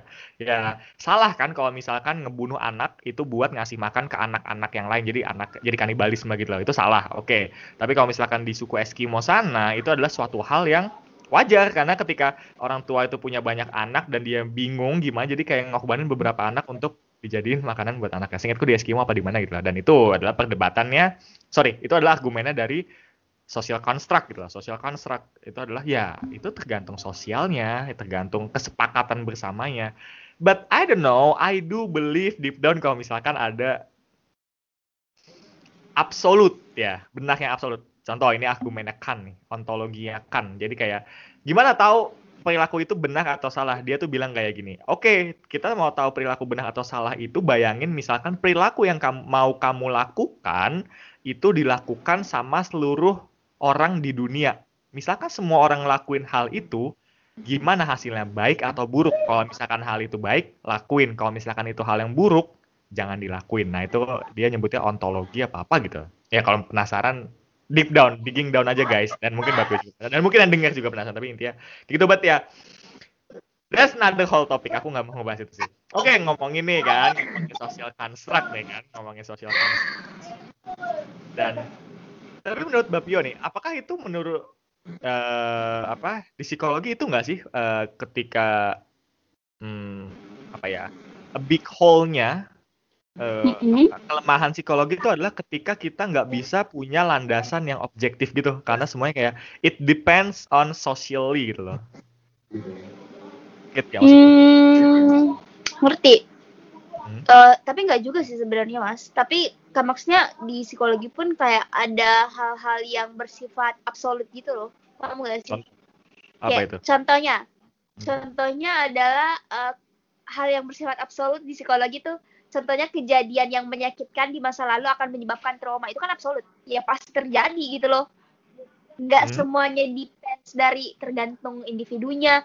Nggak juga sih sebenarnya. Hmm. Ya, aku baru tahu itu. Trauma ya. Freud banget loh ya. Ya oke ngomongin Freud nih. Ngomongin Freud lo ada gak sih Mbak teori psikologi teori bukan teori ya teori favorit lo yang maksudnya kayak lu pas baca teori itu kayak wow this is really got me gitu loh. This is really unique teori dan kayak teori favorit lah let's say kayak gitu. Ada nggak? Teori favorit gue belum punya karena gue Oh. merasa bahwasannya eh kayak contohnya nih misalnya kita mandang trauma kita tuh nggak cuma bisa mandang dari teorinya si Freud doang kayak mungkin karena masa lalu dia mungkin aja bukan karena masa lalu atau hal lain ya kan Hmm. gue belum punya sih Oh tapi iya. mungkin nanti gue punya mungkin Oh. nanti Tapi seharusnya nggak boleh ya kalau lo mau ngambil mapro ya teori favorit. Tapi maksudnya Iya, ya teori makanya- kayak wow gitu loh. makanya gue setahun ini lagi struggle kayak oke nilai-nilai apa Oke. yang akan gue anut saudara-saudara Iya, emang ada nilai, emang ada value. Waduh, perdebatan banget tuh. Ya tapi itu gue jadi inget sih kalau ngomongin teori-teori favorit gitu kayak Jung. Jung tuh kan, gue lagi into banget sih sama Jung karena, I know, dulu tuh pas gue kuliah tuh Jung kayak so, teori yang kayak itu abstrak banget, banget, sulit banget buat seorang mahasiswa S1 pahami gitu loh. Tapi ketika setelah Bener. ya ini gue juga tapi ketika setelah ini setelah lulus nih baru kayak punya waktu luang buat baca-baca Jung atau riset-riset gitu kayak wow sebenarnya Jung loh punya yang teori itu yang punya punya teori yang mendasar banget gitu loh. Dia kayak nge ngebuat blueprint pondasi psyche jiwa manusia tuh kayak gimana kayak that's really amazing. Tapi ya mungkin yang ini aku ketahui sih jadi kayak kenapa Jung itu susah dipahami karena dia nggak praktikal gitu loh. Teorinya tuh abstrak banget nggak bisa diuji dari nah metode iya. makanya di seinget gue dia kayaknya seangkatan deh seinget gue ya dia tuh seangkatan sama ya eh, siapa tokoh behavior selain Skinner yang ekstremis Amerika tuh eh, selain Pavlov Watson ya John Watson ya yang dia yang dia bilang kalau misalkan eh, beri saya 10 anak sehat maka saya akan bentuk mereka semau saya. Ya itu kayak Watson sih gue nah itu dia karena dia pas itu teorinya Jung itu bersaing sama teorinya behavior. Dan behavior kan ada perilaku ada ada hasil gitu loh pragmatis banget kan dan di situ mereka menang. Jadi teori Jung gitu cuma ya I think the best way ya I just really uh, want to ini sih untuk membahas untuk nge-enrich juga penelitian apa pengetahuan psikologi lo kalau misalkan. Coba baca Jung deh. Coba aja baca Jung kayak that's really top, high high level sih. That's really high dan it's bukunya apa? Apa lupa gue tuh. Ngerasa kalau ngomong sama Mas Amran jadinya tuh gue jadi kutu buku gitu loh. Iya ja, tapi kalau dilihat jadi kayak gue yang banyak ngomong ya. Kayak kayak bintang tamunya gue anjir gue ngomong sendiri ya oke. But bukunya itu eh aduh nanti deh nanti deh. Eh, ada bukunya di luar tuh. Nanti gue Oke. ambil deh. Jung dan apa gitu. Nanti ya linknya aku taruh show notes juga buat yang penasaran. Jadi ya oke ngomongin kenapa jadi ke sana gitu. Tapi Jung tuh pernah bilang kayak gini eh pelajari seluas mungkin apa itu manusia, bagaimana manusia berperilaku. Jadi art- ilmu psikologi itu lo lu, lu explore gitu loh. Lu teori ini, teori ini lu pelajarin. Tapi ketika lu ketemu individu, ketika lu ngeras apa ngelakuin sesi terapi atau sesi konseling, jadilah manusia seutuhnya gitu lah. Maksudnya intinya manusia apa adanya, lepasin semua teori dan Hmm. ya udah anggap dia tuh jangan berdasarkan teori tapi ya udah dia itu manusia, dia individu, dia gitu. Terlepas dari semua teori lah. That's really amazing quote sih kayak ah yes seluas tapi Mas fun fact nih Hmm. tahu nggak sih Eh, rata-rata lagunya BTS tuh terinspirasi dari Jung Iya, eh, kayaknya ada album kayaknya ada album yang ada yang shadow, anima, animus itu ya. Itu sih album Iya, bener Ya. banget. Iya kan? Iya, iya. Apa Iya, sih nama album, Pak? Apa itu? Aku lupa kayaknya di Wings deh kalau nggak salah atau kayaknya di Persona juga udah masuk Hyung juga. Yeah, that's really amazing sih pas aku baca. Oh my god, BTS, no kidding kayak gitu tapi. Ya, Hmm. but I I do like BTS sih. Maksudnya I I, I respect them karena kan dia seinget gua ya, dia tuh yang pertama kali K-pop yang speech di UN gak sih? Iya bener. Ya. Dan itu keren banget. Aduh gue kayak ngerasa emang karisma cowok pinter tuh nggak nggak bisa ditangkis gitu loh. Oke, yes, yes, yes, yes, yes. Oke, fangirl here. Oke, ya kita nanti yang ngomongin Korea ngomongin nanti. Oke, tadi ngomongin Yung tiba-tiba ke album BTS ya. Emang conversation is really unique, guys. You should have a really long conversation. But anyway, uh, jumping into the question, next question itu ya karena tadi kita ngo- ngomongin kutu buku jadi ya emang sih gue juga selalu nanya sih. Mbak Pio ada nggak sih Mbak the best books to understand woman gitu loh? What you can really uh, reference to me personally to understand woman? Gitu. Ada sih? Hmm, sebenarnya kalau untuk understand woman tuh nggak ada sebenarnya karena balik lagi cewek tuh beragam gitu loh kayak cowok aja beragam cowok tuh nggak Ya, mau kan oke. dibilangin ya cowok sama aja kan nggak mau sama Iya tuh bangsat cewek. banget tuh astagfirullah. It's way better. tapi dia sama kan? aja sebenarnya kayak cewek cewek itu beragam tapi buku yang sekiranya kayaknya ini pas banget nih buat gue itu ada bumi dan rotasi gue suka banget eh, eh, eh, eh, gue suka banget hubungannya si Araf sama si pacarnya ini itu yang gue namakan equal gitu loh setara Bumi dan rotasi Arab. Reza Arab bukan? eh ini nih, nih. Oke. Oh, itu fiction pasti ya itu ya? Iya pasti lah fiction ya. Oh, wow. Oke, oke. Noted, noted. Thank you, Tapi thank you. Mas Amran gak bakal suka sih karena itu romance tapi Ya. menurut gue eh, itu menurut gue hubungan yang sehat dan hubungan yang equal gitu loh Yeah, but I think that's gonna ya karena Mbak Pio bilang kayak gitu dan I think that's gonna have that's gonna restructure my perspective on relationship ya karena ya ya siapa sih yang nggak mau punya pasangan yang equal ya Hmm. equal dan adil let's say jangan bilang equal deh adil gitu loh yang nyaman lah kayak gitu but ya I will give a try tapi bukan gini orang tuh selalu bilang kalau misalkan gue tuh orangnya serius banget gitu loh kayak lu nggak mungkin baca novel bego. Ya emang sih bener sih kalau aku belum pernah baca novel karena aku ngelihat sejauh ini ya kalau baca novel tuh kayak waste of time. Ya trigger warning. Kenapa? Karena kayak ya novel tuh fiksi gitu loh fiksi. Buat apa lu baca fiksi? Ya oke itu trigger warning ya but this on my humble opinion I will say that. Tapi eh yang tadi orang serius terus eh, apa namanya nggak suka romance tadi Mbak Pio ngejudge ya anak psikologi kok ngejudge ya heran deh nah kayak gitu jadi gue gak ngejudge tapi emang Mas Amran yang ngomong gak suka baca romance Oh, iya. Iya Yes, ya, sih? ya. Nah, cuma kayak sekarang it's kinda shifting karena aku mulai enjoy drakor, drama Korea. Oh. Especially kemarin nonton uh, True Beauty, that's really ya just for fun sih kayak oh oke that's really fun but yeah we will get into ya tapi nanti itu next question. But the next question ya that's what I want to ask tuh tadi kan kita ngomongin social construct ya Mbak Pio ya ngomongin standar sosial dan segala macam. Dan ini sih pertanyaan yang ngebum banget sih. Does man and woman equal psychologically speaking? Hmm, nggak di semua lini. Kalau yang dari aku research ya, Oke. dan Sampai riset guys. pertanyaan Samran nih gue mikir. Selama ini gue tuh mikir Oke. bahwasanya emang cewek dan cowok tuh nggak equal secara biologis gitu loh. Tapi ternyata secara psikologis ada beberapa lini tapi nggak besar mas. Menurutku pribadi. Oke oke oke. Tolong benarkan jika aku salah. Jadi Yes. eh, Hmm. menurut aku tuh eh, intinya adalah eh, kita tuh karena kita berbeda dari segi hormon, otomatis itu mempengaruhi psikologis kan, Mas. Hmm. Eh, contohnya aja eh cewek tuh lebih sensitif dan cowok tuh lebih insensitif. Nah, itu tuh Hmm. perbedaan kita yang pertama. Perbedaan yang kedua adalah lebih ke arah personality. Tapi dari jurnal yang aku baca, itu tuh cuman pada perubahan eh perbedaan yang sangat besar itu pada umur 9 sampai dengan 13 tahun. Nah, Hmm. selain dari itu aku nggak menemukan perbedaan kita yang sangat besar gitu loh. Karena menurut aku terkait dengan behavior, kemantakan emosi dan sebagainya itu kan mental state kan, Mas. Sama Hmm. aja misalnya kayak psychological age tidak berbanding lurus dengan biological age. Berarti kan uh, okay. mental state juga nggak berbanding lurus. Bisa aja nih mental state nggak berbanding lurus dengan uh, gender gitu loh. Karena banyak kok cewek yang matang secara emosi, banyak juga cowok yang nggak matang secara emosi gitu loh. Jadi hmm. menurut aku kita uh, hanya terbatas oleh perbedaan yang sangat besar di uh, biologis, tapi kayaknya aku harus menambah bahan bacaan sih mas karena aku yeah. juga sangat penasaran dengan hal ini.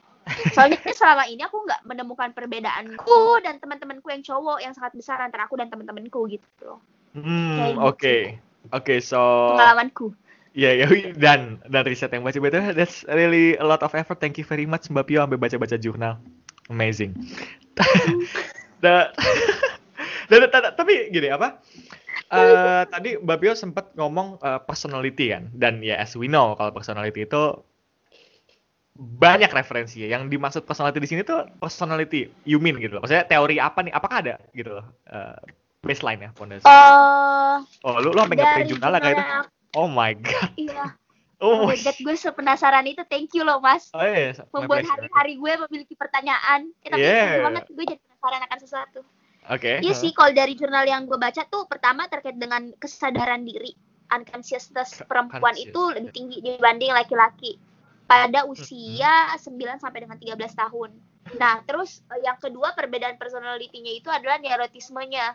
Uh, okay. Tapi semakin bertambahnya usia, uh, neurotismenya si laki-laki itu semakin menurun dari waktu ke waktu lebih lambat daripada perempuan kayak gitu sih. Oh oke okay. yes I think we talk about big five personality ya neuroticism ya. Nah. Yes big five personality. Ya yeah, I think for information guys mungkin beberapa dari kalian yang denger ini biasanya sih anak psikologi. Jadi big five personality itu adalah menurutku salah satu blunder terbesar ketika aku kuliah. Kenapa? Karena aku pas bela belajar teori itu kayak what the fuck this is theory this is not fun gitu loh. Dibandingin sama extrovert introvertnya Jung it ego super egonya Freud ya kan? Humanistiknya Carl Roger dan Abraham Maslow.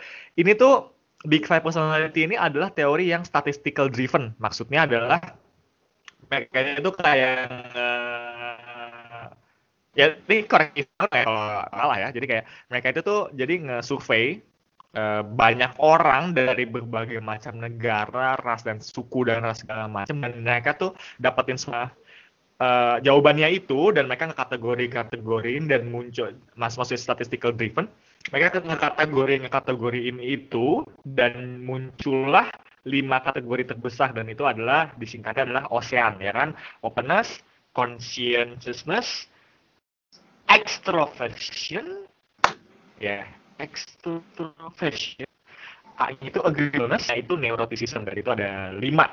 Dan menurutnya ini menurutku sini penguat juga sih emang bener sih. Dan itu kayak jurnal yang aku baca dan aku dengar di YouTube juga. Thank you Pak Jordan Peterson. Itu uh, gini sih apa? Jadi benar emang itu kalau secara psikologi itu kita tuh beda banget. Beda banget di uh, di yang aspek uh, neuroticism.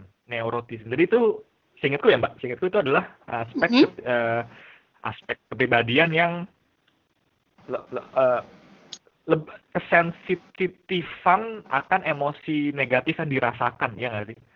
Kurang lebih kayak gitu kan nah iya benar. Jadi cewek ya cewek tuh lebih ini loh lebih cepat untuk mengidentifikasi misalnya ada orang yang gak suka sama dia. Makanya tuh kadang nih kalau misalnya ada cewek curhat eh kayaknya dia gak suka dia sama gue. Tapi si cowok nih ngerasa biasa aja ya karena kita yeah. si cewek ini lebih sensitif dan si cowok lebih insensitif gitu. Yes yes yes itu itu sih. Nah ini just some so eh, bukan talk sih uh, yang aku tahu dan ini juga memperkuat dan juga buat kalian yang ngerasa ya psychologically driven itu tadi personality 5 dan itu tadi di neuroticism neuroticism ya ya neuroticism sama iya. agreeableness yeah. sama agreeableness sama agreeableness sebenarnya agreeableness nih kayak orang yang iya-iyaan gitu loh kayak agree agree kan oh iya jadi agreeableness ini dikaitkan sama compassion iya-iyaan gitu loh nah itu jadi suatu dua hal yang berbeda di sini dan menariknya uh, ini kalau misalnya ngomongin politik ya, ini mungkin Mbak Pio nanti kalau mau going deep bisa banget. Dan ini mungkin bisa jadi ilmu yang bermanfaat untuk buat Mapro ya. Jadi kan ada tadi ada lima yeah. open openness, consciousness, uh, agree, extroversion, agreeableness sama neuroticism. Nah, sebenarnya kalau misalkan ngomongin politik itu kan politik kiri sama politik kanan ya, left sama right, Iya. liberal sama konservatif ya. kan. Nah, kira-kira nih, kira-kira nih, ini kuis ya, kuis nih yang menang. eh, kalau Mbak Pio bisa Iya, jawab dapat OVO 50 ribu. Eh, kalau kira-kira kalau liberal, kira-kira kalau liberal tuh gedenya di mana? Di lima aspek itu. Di mana sih? Gue nggak pernah, gue nggak Oh, belum. ngikutin politik jujur. Gue nggak Oh, suka. Oke, tapi kira-kira kalau dari lima pengertian aja, randomly pick aja menurut Mbak Pio, kira-kira dari lima aspek itu tuh di mana sih liberal yang tinggi gitu? eh kayaknya yang tingginya itu di yang iya iyanya aja agri agri apa sih mas tadi? Agreeableness, agreeableness. Ya, kayaknya di situnya. Tapi gue nggak tahu, gue nggak ikutin politik. Iya, ya, Poli- just for fun aja sih, gue juga tahu Gua ini tiba-tiba. Ya, but you should Sebenarnya gue awal-awal kuliah tuh suka banget sama politik mas, tapi Oh, oke. saat saat ini gue sedang mempelajari sesuatu bahwasanya segala sesuatu itu harus efektif gitu loh efektif dan efisien karena gue merasa ketika gue mengikuti berita politik perasaan gue menjadi tidak efisien makanya gue hentikan Oh, oke, oke. Tapi ingat kata Carl Jung kan, the most what uh, the most thing that you need is where the place that you can you do not want to see. Ngerti gak? iya Iya. iya itu benar makanya gue harus gue harus minim energi pokoknya Oke, ya oke. Jadi ya tadi jawabannya sebenarnya mungkin iya, tapi mungkin tidak karena yang gue tahu perbedaan terbesarnya itu di bagian openness sama conscientiousness. Jadi openness ini kan orang yang open, maksud open tuh open to ideas, kreativitas gitu loh. Makanya orang-orang liberal, orang-orang kiri itu kan ideas, ideas, ideas gitu kan. Mereka eh, orang yang kreatif, let's say kayak gitu. Dan itu tinggi di openness. Nah, kalau konservatif yang orang tradisional, peraturan, value, agama, ya kan segala macam, itu dia gedenya di consciousness. Consciousness ini keteraturan, ya kan? Jadi kayak mereka sadar, sadar. Hmm? Tapi Mas Amran sebenarnya Oke. alasan aku nggak nggak terlalu yakin menjawab uh, pertanyaan Mas Amran karena aku punya pengalaman bahwasanya ada Hmm. juga orang yang nggak kiri dan dan nggak kanan gitu tapi mix keduanya ada Yes, Jadi, that's dia- yang di tengah gitu ya. dia melihat sesuatu dia melihat sesuatu tergantung arah mata angin mas ya maksudnya tergantung uh, apa konteks politik yang dibicarakan gitu loh So, tergantung arah tergantung mata arah mata angin itu maksudnya tergantung ada yang ngedukung dia atau gimana? enggak bukan. Oh, tapi tergantung ke konteks kon eh, tergantung kepada apa yang sedang dibicarakan pada saat itu. Misalnya eh, kita lagi ngebicarain tentang eh, let's say RUU PKS lah ya. Karena itu kan politik Hmm. banget sebenarnya. Nggak disahin sampai sekarang tuh. Nah dia tuh menanggapinya ya tergantung arah mata angin gitu loh mas. Kayak maksudnya menurut dia eh, pem- pemikiran dia bisa kiri bisa kiri nih untuk hal itu misalnya tetapi Ya. untuk hal-hal lain tuh dia bisa kanan gitu loh jadi Ya. ya gue pernah menemukan orang seperti itu dan makanya gue tidak yakin untuk Yes, yes, yes, yes. Iya, iya sih ya. Just for information aja maksudnya. To enrich your knowledge gitu loh. Tapi ya intinya kayak gitu dan itu kiri kanan tuh sebenarnya menarik sih kayak itu. Kayak itu suatu hal di dunia ini dibagi dua nggak sih? Eh, malam, pagi malam, yin yang, chaos order, liberal konservatif, dualisme tuh selalu ada gitu loh. But ya, that's the fun things ya. Di, siapa yang benar? Jawabannya nggak ada yang benar. Jawabannya dua-duanya ya benar. betul sekali tergantung dua-duanya dari mana kita melihatnya psikologi Ah, banget mas Amran iya, ya ada- psikologi ada banget psikologi. bukan gue Eh, gue nggak bilang gitu ya. Gue nggak bilang gitu ya. Ketika ngomongin kayak gitu, ya tergantung itu. Jadi kayak kita bakal ngestak di argumen apa bukan di argumen di state moral relativisme gitu loh. Nah, this is that I don't quite think it right sih loh, but ya itu it's another topic. Oke, so ya, yeah, just for fact, fun fact guys, dan kalian kalau anak psikologi dengerin, kalian harus belajar Ocean karena itu Ocean menurutku teori yang tidak emang tidak keren gitu loh, tapi cuma itu ya secara data driven tuh itu oke banget itu Oke bisa banget. dikatakan kredibel banget itu kredibel banget Sepakat, yes oke. Sepakat. so this is random things yang aku mau tanya sih. Yang tadi tuh Mbak Pio misalkan ngomongin apa tadi? Pengambilan keputusan lah. Let's say kayak gitu tadi kan ngambil keputusan untuk tidak eh, tidak nonton pol tidak mendalami politik atau ya itu hak Mbak Pio ya. Aku aku nggak bisa nge-challenge Hmm, aku bisa nge-challenge tapi aku nggak bisa ngemaksa ya kan? Ya. jadi kalau eh, penasaran sebenarnya gue gak tanpa gue nyari tahu pun karena lingkungan sekitar gue gitu mas maksudnya orang Oh, tua yes. gue berasal dari politik nyokap gue berasal dari politik dan gue rasa untuk gue menambah pengetahuan politik itu cukup gitu loh membuang energi gue mending gue salurkan ke hal yang lain Oke oke oke. So this iya yang I really curious sih. Apakah lu punya sebuah framework atau template untuk making a some critical decision gitu? iya punya Apa tuh? Jadi gue ke, eh, terbiasa ketika eh, gue pengen eh, membuat sebuah keputusan adalah gue ngelis dulu. Gue ngelis dalam artian adalah eh, misalnya nih gue eh, pengen jalan. Hmm? gue pengen jalan. Gue ngelis dulu itu kebiasaan gue nggak bisa gue beberapa waktu itu adalah sesuatu hal yang buruk gitu loh tapi beberapa waktu itu adalah hal yang baik. Kayak contoh ketika sebelum gue jalan gue ngelis dulu kelebihan ketika gue jalan hari ini dan kekurangan ketika gue jalan hari ini ketika misalnya Oke. dari list gue kebanyakan kelebihan ya gue jalan ketika lebih banyak kekurangan ya gue berhenti nggak jalan Oke. Lu lu pernah ngetek Big Five personality test nggak sih? pernah Kayak lu tinggi di konservatif ya? Di ko- eh sorry di conscientiousness ya? Iya nggak sih? di STJ Itu MBTI Mbak Pio, Oh bukan iya, MBTI. Ah B- ya, Big Five gue belum pernah Oh belum pernah oh ya? iya Kayak MBTI kayak iya MBTI kayak- kan kayak- gue doang ya kayak hipotesis gue, lu tinggi di conscientiousness deh. Kayak soalnya teratur banget sampai nih. But ya anyway, that's that's fine gitu loh. That's fine. That doesn't mean it's wrong gitu loh. Tapi tadi sorry MBTI lo apa, Mbak? MBTI ISTJ ISTJ. Itu itu kayak yang langka Iya. ya? Introvert. kok langka sih banyak tau Oh ya udah ya. Enggak, so, kayak ada yang perpaduan yang langka banget cuma gue lupa sih apa. Iya gitu deh pokoknya. I ISTJ itu berarti apa? Intuitif ya S-nya ya? Ah no. introvert deh kalau nggak salah gue lupa sumpah udah gue udah lama S-nya, banget S-nya. Oh iya, iya ini ngetes banget ya ya Allah. Iya ya sorry sorry kayak sidang ya Bun. Mohon maaf nanya-nanya kayak gini. Ya. sedih gue yes.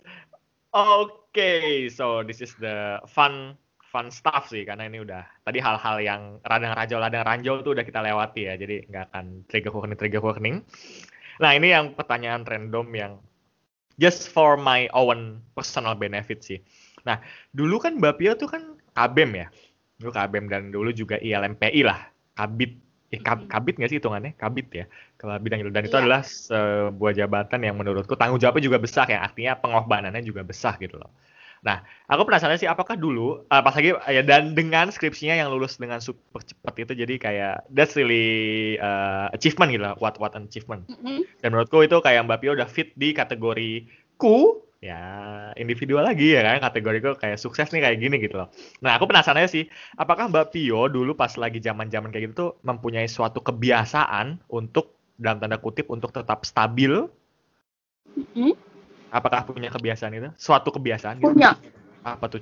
Percaya nggak sih gue punya SOP SOP beneran SOP Ya, ya, ya. ditulis Eh, standar operasional yang ditulis Ya, you Dan gua punya consciousness tinggi sih, tinggi di consciousness ya sampai ada SOP tapi ya. Oke, gi- apa Ya, tadi? ada- kan?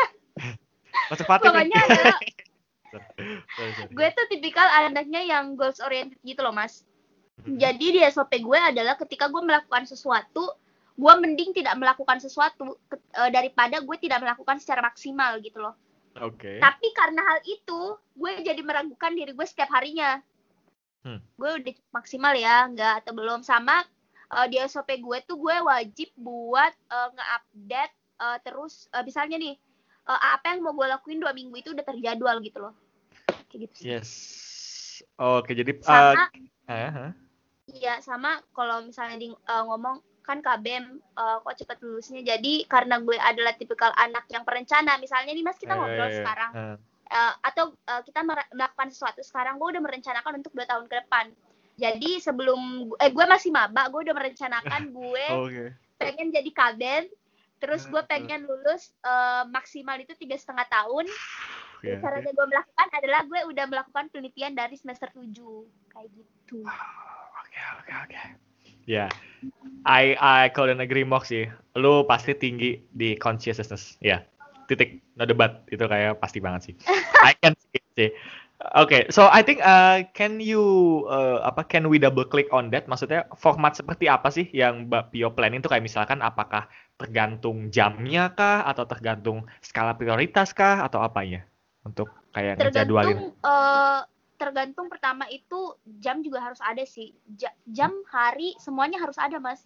Sampai dengan skala prioritas. Cara gue menentukan skala prioritas adalah gue ngelis kayak tadi kebiasaan gue, gue Yeah. ngelis eh, eh, kelebihan benefitnya eh, Hmm. banyakan yang mana dan itu akan menjadi skala prioritas gue.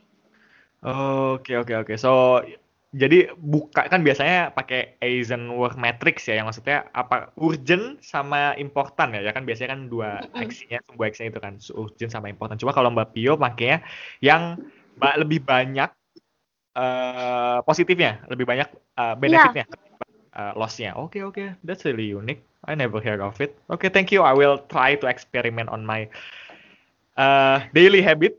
That's gonna be fun. Soalnya gue Yes. mikir gini, Mas. Kalau misalnya kita eh, mikir urgent enggaknya kan itu berpikiran eh kita ber gue tuh selalu berpikir bahwasannya kita tuh bertindak harus benar bukan baik.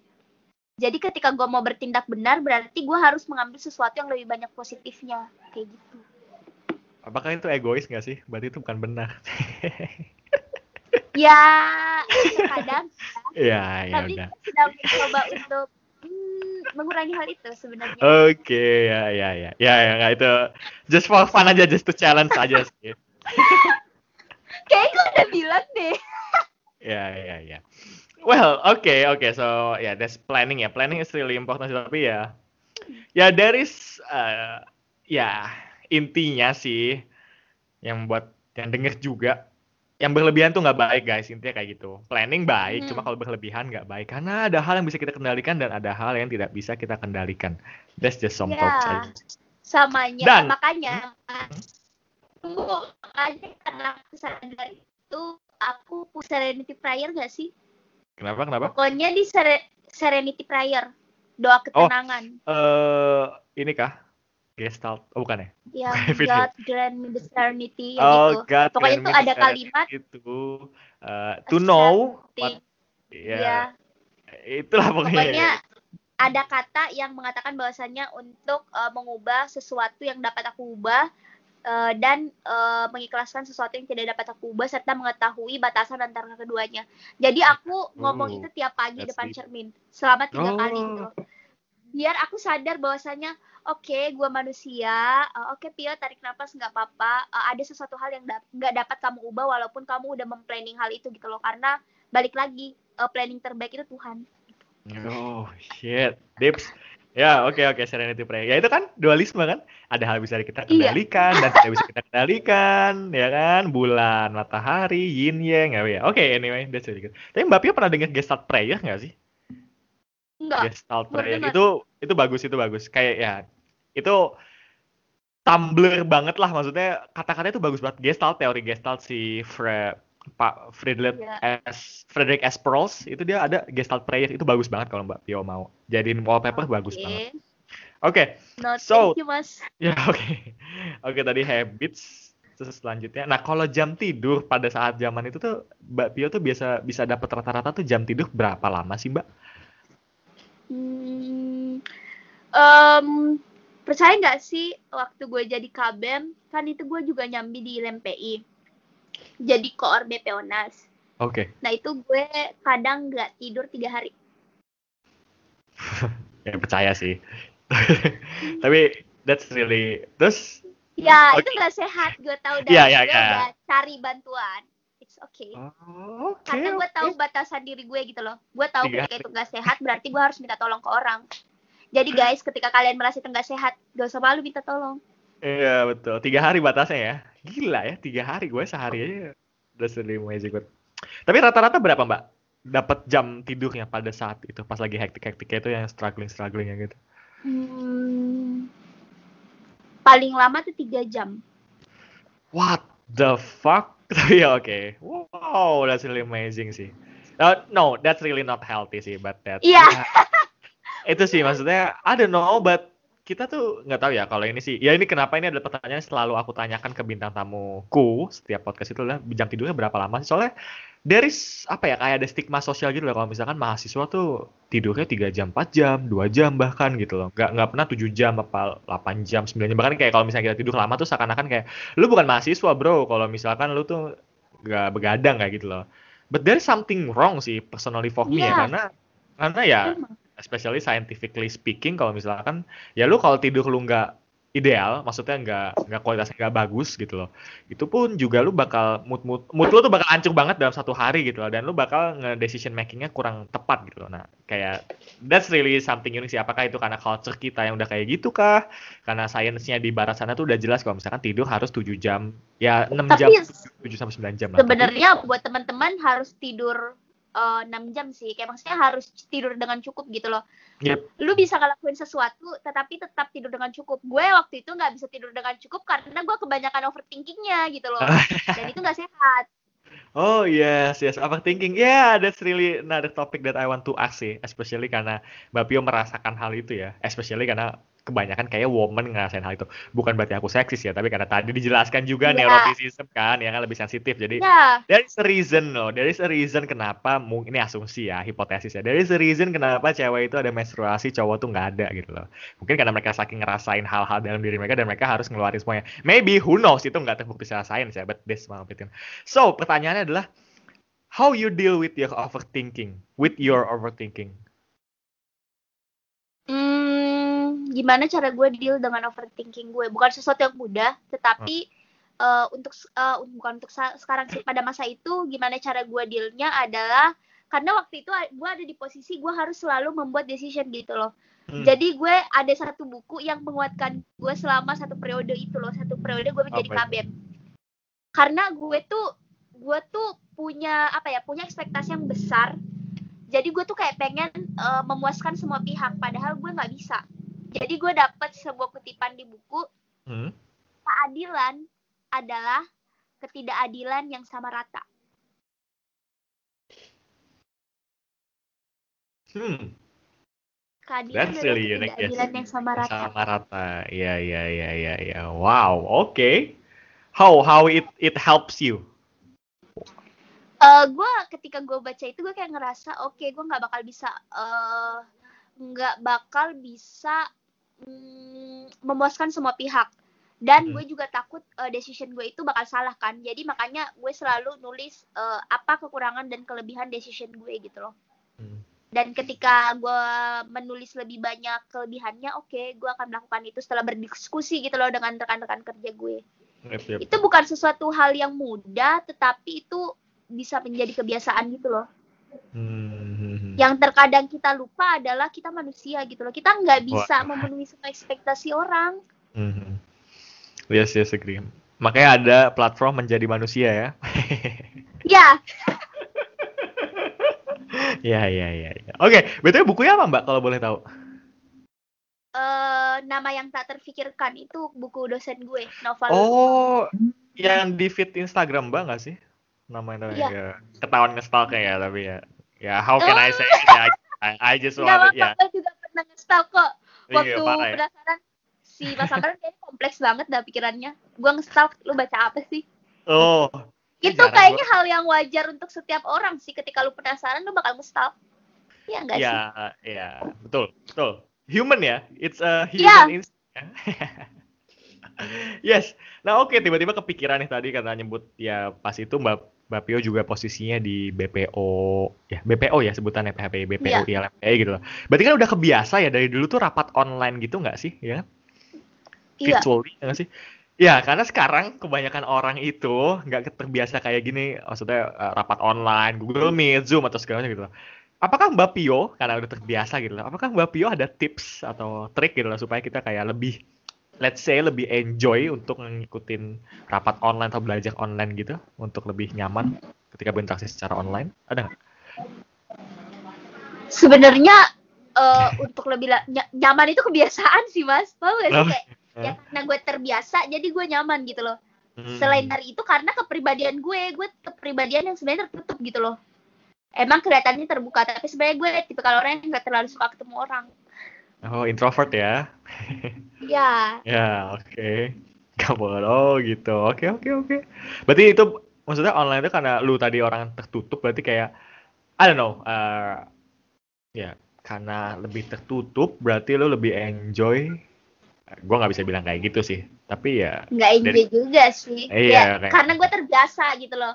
Dan itu menurut gue ketika ya. gue virtual, gue virtual itu minim energi gue tuh lagi nggak tau gue tuh lagi kalau melakukan sesuatu pokoknya harus minim energi aja jangan Harus- mengeluarkan energi banyak banyak Oh, oke. Berarti apakah kayak gini mengeluarkan energi yang banyak kita berpikir cukup banyak loh?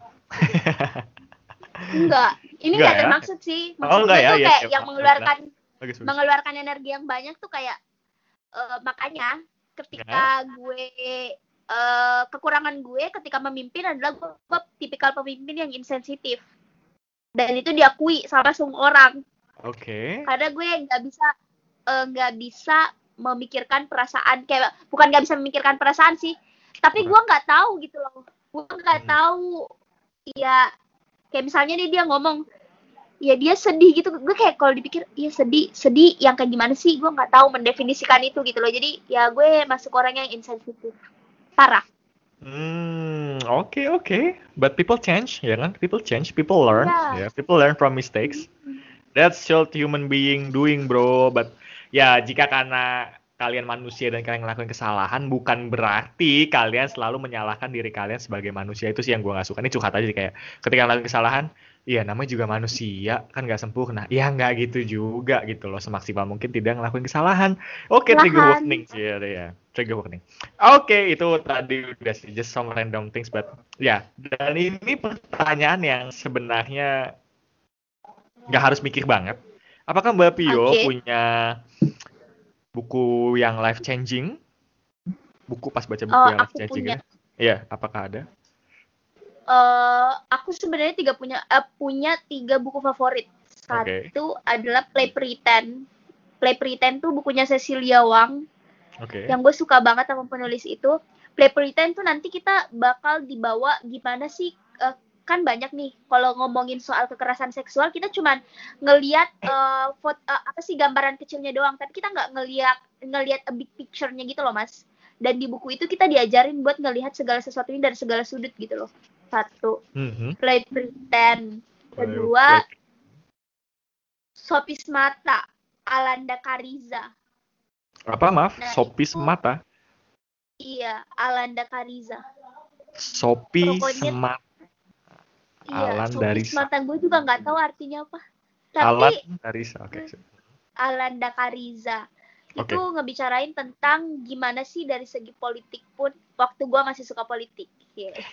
Cie. gimana gimana dari segi politik dan lini kehidupan kita tuh juga harus eh, bukan equal sih lebih ke arah saling menghargai gue sekarang nih mas gue tuh gak mau Mhm. ngomong equal equal sebenarnya Oke. Why? karena gue ngerasa bahwasannya ketika semakin gue bilang gue pengen equal si lawan bicara gue ini tidak memperlakukan gue se- secara equal gitu loh kesannya gue lagi Yep. merengek gue pengen diperlakukan sama kayak lo makanya gue lebih eh, ke arah gue pengen eh, orang menghargai gue respect sama gue ketika dia respect sama gue dia akan memperlakukan gue sama seperti dia Hmm. Oke.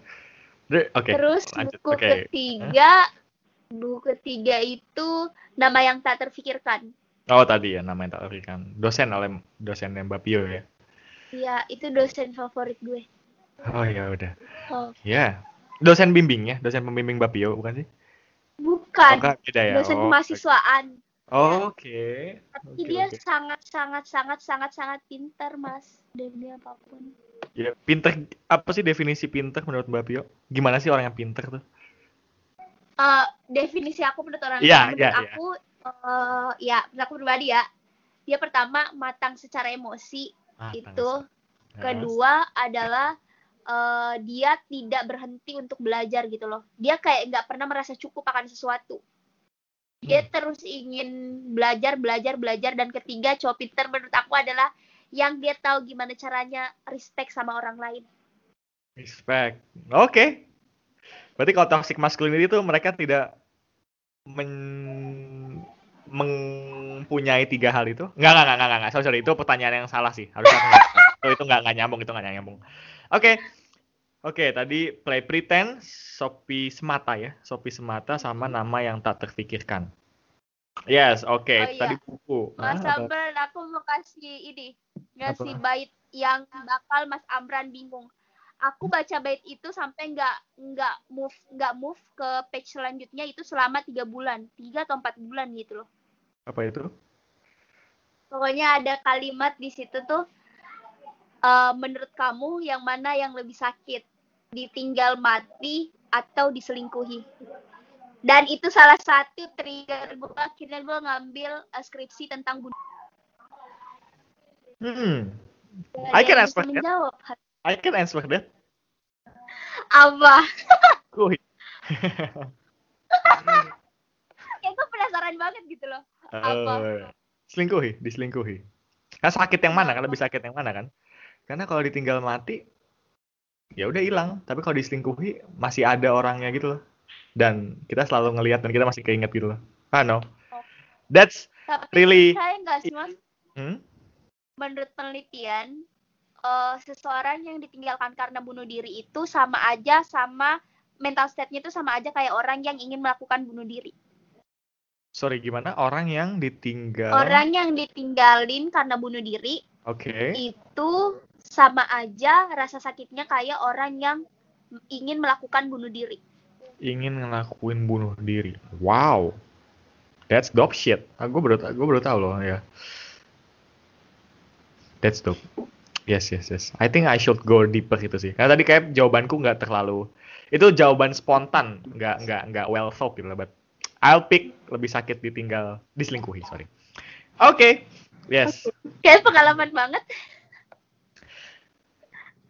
I know, ya, me, ya, persa- ya. Bahkan se- bahkan seorang teori-teori psikolog gitu kan, Freud, Jung itu kan berteori dari pengalamannya kan, ya kan, ya berarti ya. Oke. empathy. Iya, pasti dong semua orang dipengaruhi sama pengalamannya. Oke, next. Tadi buku, sekarang itu apakah Mbak Pio punya film, film yang life changing atau film favorit gitu? Kalau film yang life changing Kim Ji Young. Apa itu yang mana? pokoknya film di Netflix gitu mas itu nyeritain tentang gimana sih transisi dari perempuan menjadi seorang ibu dan itu bisa mempengaruhi kesehatan mentalnya gitu loh dan menurut gue ketika nanti gue punya pasangan pasangan gue harus nonton ini Oh, Oke. Apa judulnya apa judulnya? Kim Ji Young judulnya. Kim Ji Young Oh, itu judulnya. Kim Ji Young Oh, Kim kira nama aktornya. Eh, nama aktris ya. Kim Ji Young. Oke, Ji Kim. Ji Young on Netflix. Oke. Itu film. Kalau drakor, aduh kayak banyak nih listnya. Yang favorit. Favorit berarti satu ya. Hmm. Enggak, gue belum merasakan ada drakor yang mengubah hidup gue. Ah, oke. Oke, oke. Kalau Netflix, apakah ada serialnya maksudnya? Series Netflix gitu? Eh kalau dari segi karir iya ada. Oh, ini pasti. Emily in Paris. Bukan. Oh, bukan. Oke, sorry. Apa tuh? Partner of Justice. Forensik. Partner of Justice. Oh, oh, oh, oke. Partner in Justice. Wow, I never heard of it. Tahun berapa nih? Baru apa lama? Justice. Udah ada dua series, Mas. Gue lupa tahun berapa. Pokoknya dia udah ada dua season. Partner of Justice Korea Oh. sih. Oke, in Justice. Ya, semua ini Korea ya, Bun. Oke, buku, film. Iya. Oh, ya, nggak apa-apa.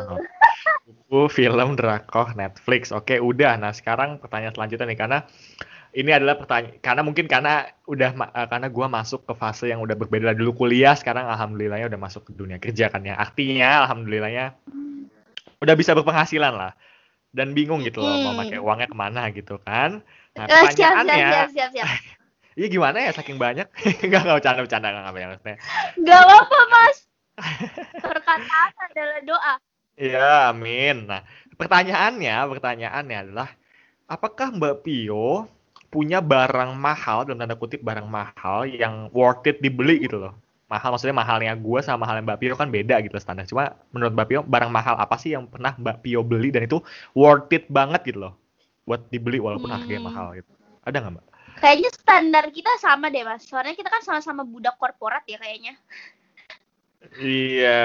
Kalau gue I wouldn't say that. budak though. I- I- pemerintah. I- itu, uh, ya, tapi jujur kok kayak itu kesannya negatif banget ya budak gitu loh kayak ya elah kerja mah kerja gitu loh nggak sampai budak banget lebay banget tapi ya udah oke let's I, I'll Masalahnya ada sisinya juga yang nggak enak, Mas sebenarnya. Tapi ya namanya itu dunia dewasa gitu loh, Mas. ya. yes Iya. yes ya mari kita growing berjuang bersama-sama. iya betul ya oke apa mbak maaf tadi barangnya? Eh, iPad. Aku nabungnya agak lama sih, I- setahunan, tapi worth iPad. I- iPad Pro nabungnya lama ya. apa iPad? Ya. Pro. Iya, iPad apa tuh? iPad Pro yang baru 2020 yang baru 2011. Eh berapa Oh. sih? Iya, kalau nggak salah.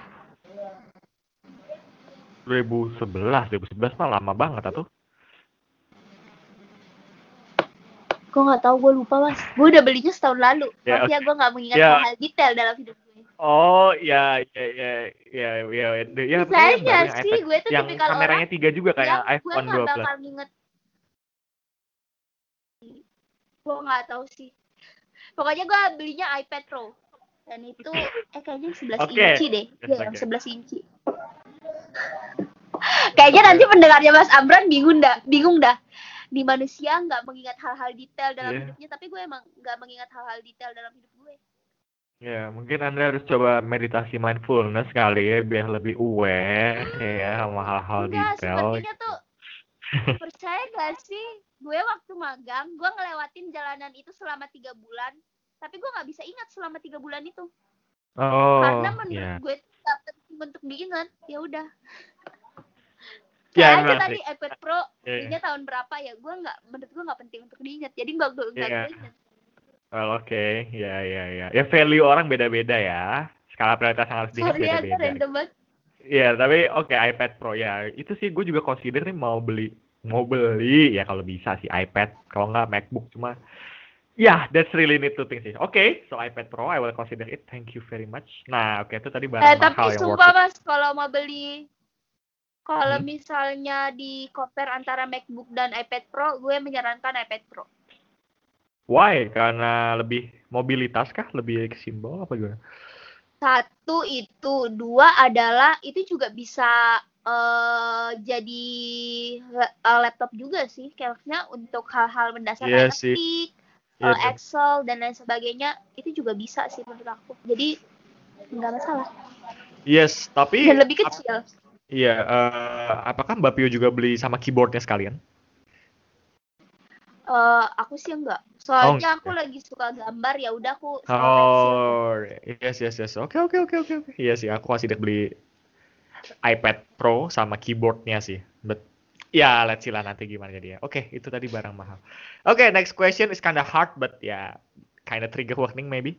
Eh, apakah ya karena kita sama-sama ya kita udah bisa katakan udah fase dewasa lah ya, bukan dewasa awal, dewasa Ya. akhir. ya. Dewasa akhir ya. Ya. Oh sorry, emerging adulthood kayak 18 sampai 25 ya, emerging adulthood. Nah, apakah Mbak Pio punya kayak kalau kepikiran aja kalau nggak ada ya nggak apa-apa gitu loh. Apakah Mbak Pio punya some advice to younger self? Maksudnya to younger Mbak Pio tuh apa sih kira-kira misalkan Mbak Pio bisa ke masa lalu gitu terus kayak pengen ngasih advice apa sih ke diri Mbak Pio yang lebih muda? Hmm, ini mungkin kayak agak sensitif ya ngomongnya, tapi eh, guys, gue nggak ngomong ini dengan perasaan yang sensitif, walaupun terdengarnya gak sensitif. Oke. Eh, untuk diri gue yang lebih muda, gue bakal ngomong sih, eh, it's okay Pio, itu doang. Nggak apa-apa. Oke. Gila psikologi banget lo ya. yes, yes, yes, yes, yes. Oke. Apa-apa. yes. Okay, it's okay, Pio. It's okay. It's okay, guys. Ya, it's okay to be not okay. Ya, itu kan nama Oke. ya, drama Korea nggak sih itu? It's okay to be okay. Iya. Yes, yes. Oke. So anyway, Iya. jadi nanti nih misalkan yang kalian dengerin dan kalian baru dengerin episode ini yang belum pernah dengerin podcast ini atau salah satu episodenya itu jadi misalkan tadi nih aku ngomongin sama Mbak Pio tentang jurnal lah, tentang Jean Paul Sartre, Simone de Beauvoir atau apa pun itu buku-buku itu nanti kalian kalau misalnya lihat episode ini kalian akan di deskripsinya itu akan ada show notes. Maksudnya show notes ini adalah kalian bakal ketika kalian ngeklik tulisan contoh tadi misalkan kita ngebahas tentang uh, jurnal personality big five gitu. Nanti ketika ada tulisan di show notes jurnal personality big five nanti kalian klik dan kalian nanti akan langsung diarahkan ke jurnal yang kami diskusikan atau yang kami referensikan gitu loh jadi biar kalian juga dapat konteks ini oh ternyata ini yang Mbak Pio sama Mas Ambran omongkan sampai 1 jam 44 menit yang terekam di sini nggak tahu endingnya di kapan tapi ya satu jam sudah satu jam 45 menit and ya yeah. when you have a great conversation that's well what can I say time flies but this really worth it so thank you very much Mbak Pio atas waktunya. Makasih dan juga, Mas. Yes, my pleasure, my pleasure. Dan closing, closing question seperti biasa. Uh, closing questionnya itu adalah biasanya aku sebut dengan billboard question. Bukan tentang BTS ya, karena itu billboard Tokopedia kayaknya. Hah? Jadi billboard question itu, jadi kan kayak billboard bener papan iklan ya kan, papan iklan. Ya aku nggak tahu nih kalau di Makassar apakah pastinya ada papan iklan, cuma aku nggak tahu tempat letaknya di mana. Jadi kayak ada papan iklan gede ya, papan iklan gede. Dan pastinya kalau papan iklan itu bisa dilihat sama banyak orang ya, apalagi papan iklannya misalkan di depan lampu merah. Nah, di situ ada di, bisa dilihat banyak orang dan Mbak Pio itu punya space di billboard tersebut. Kira-kira Mbak Pio bakal naruh apa di billboard tersebut? Hmm, naruh apa? Tunggu. Ini pertanyaan yang mudah tapi sebenarnya dalam. Eh, aduh psikologi banget pula. gue bakal naruh nama gue aja. Why? Iya, Kenapa? Ya, Kenapa? Kenapa? Hah? Kenapa? karena guys, gue nggak merasa sedih ya untuk membicarakan ini, gue biasa aja. Eh, jadi kenapa? Eh, karena gue tidak ingin dilupakan. Gue tidak ingin terlupakan. That's why kenapa gue harus terus bergerak. Oke, oke, oke, oke. That's deep. Pio, biar semua orang inget ya. Oh, ada ya nama orang Pio gitu. Nah, itu. Yeah, okay, that's deep, that's deep. So that's really a great way, a great way to end this conversation.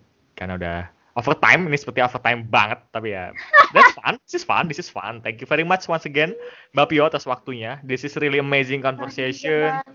Yes, then I'm, I think I'm looking forward to chit chat with you karena kita cross cross the uni, bukan cross the universe sih, cross the island, cross the time zone ya. Jadi Mbak Pio itu orang Makassar guys, dan aku orang Bekasi ya kan kelihatan ya ngomongnya aku bahasa Inggris bahasa Indonesia jaksel gitu kan. But anyways, thank you very much, thank you very much uh, once again. Makasih juga, Mas. Yes, aku udah nyebutin terima kasih tiga kali, empat kali, lima kali kayak ya. I know, but anyway, so terima kasih, terima kasih yang kalian ngedengar udah sampai sejauh ini dan as always, I hope you uh, love the show.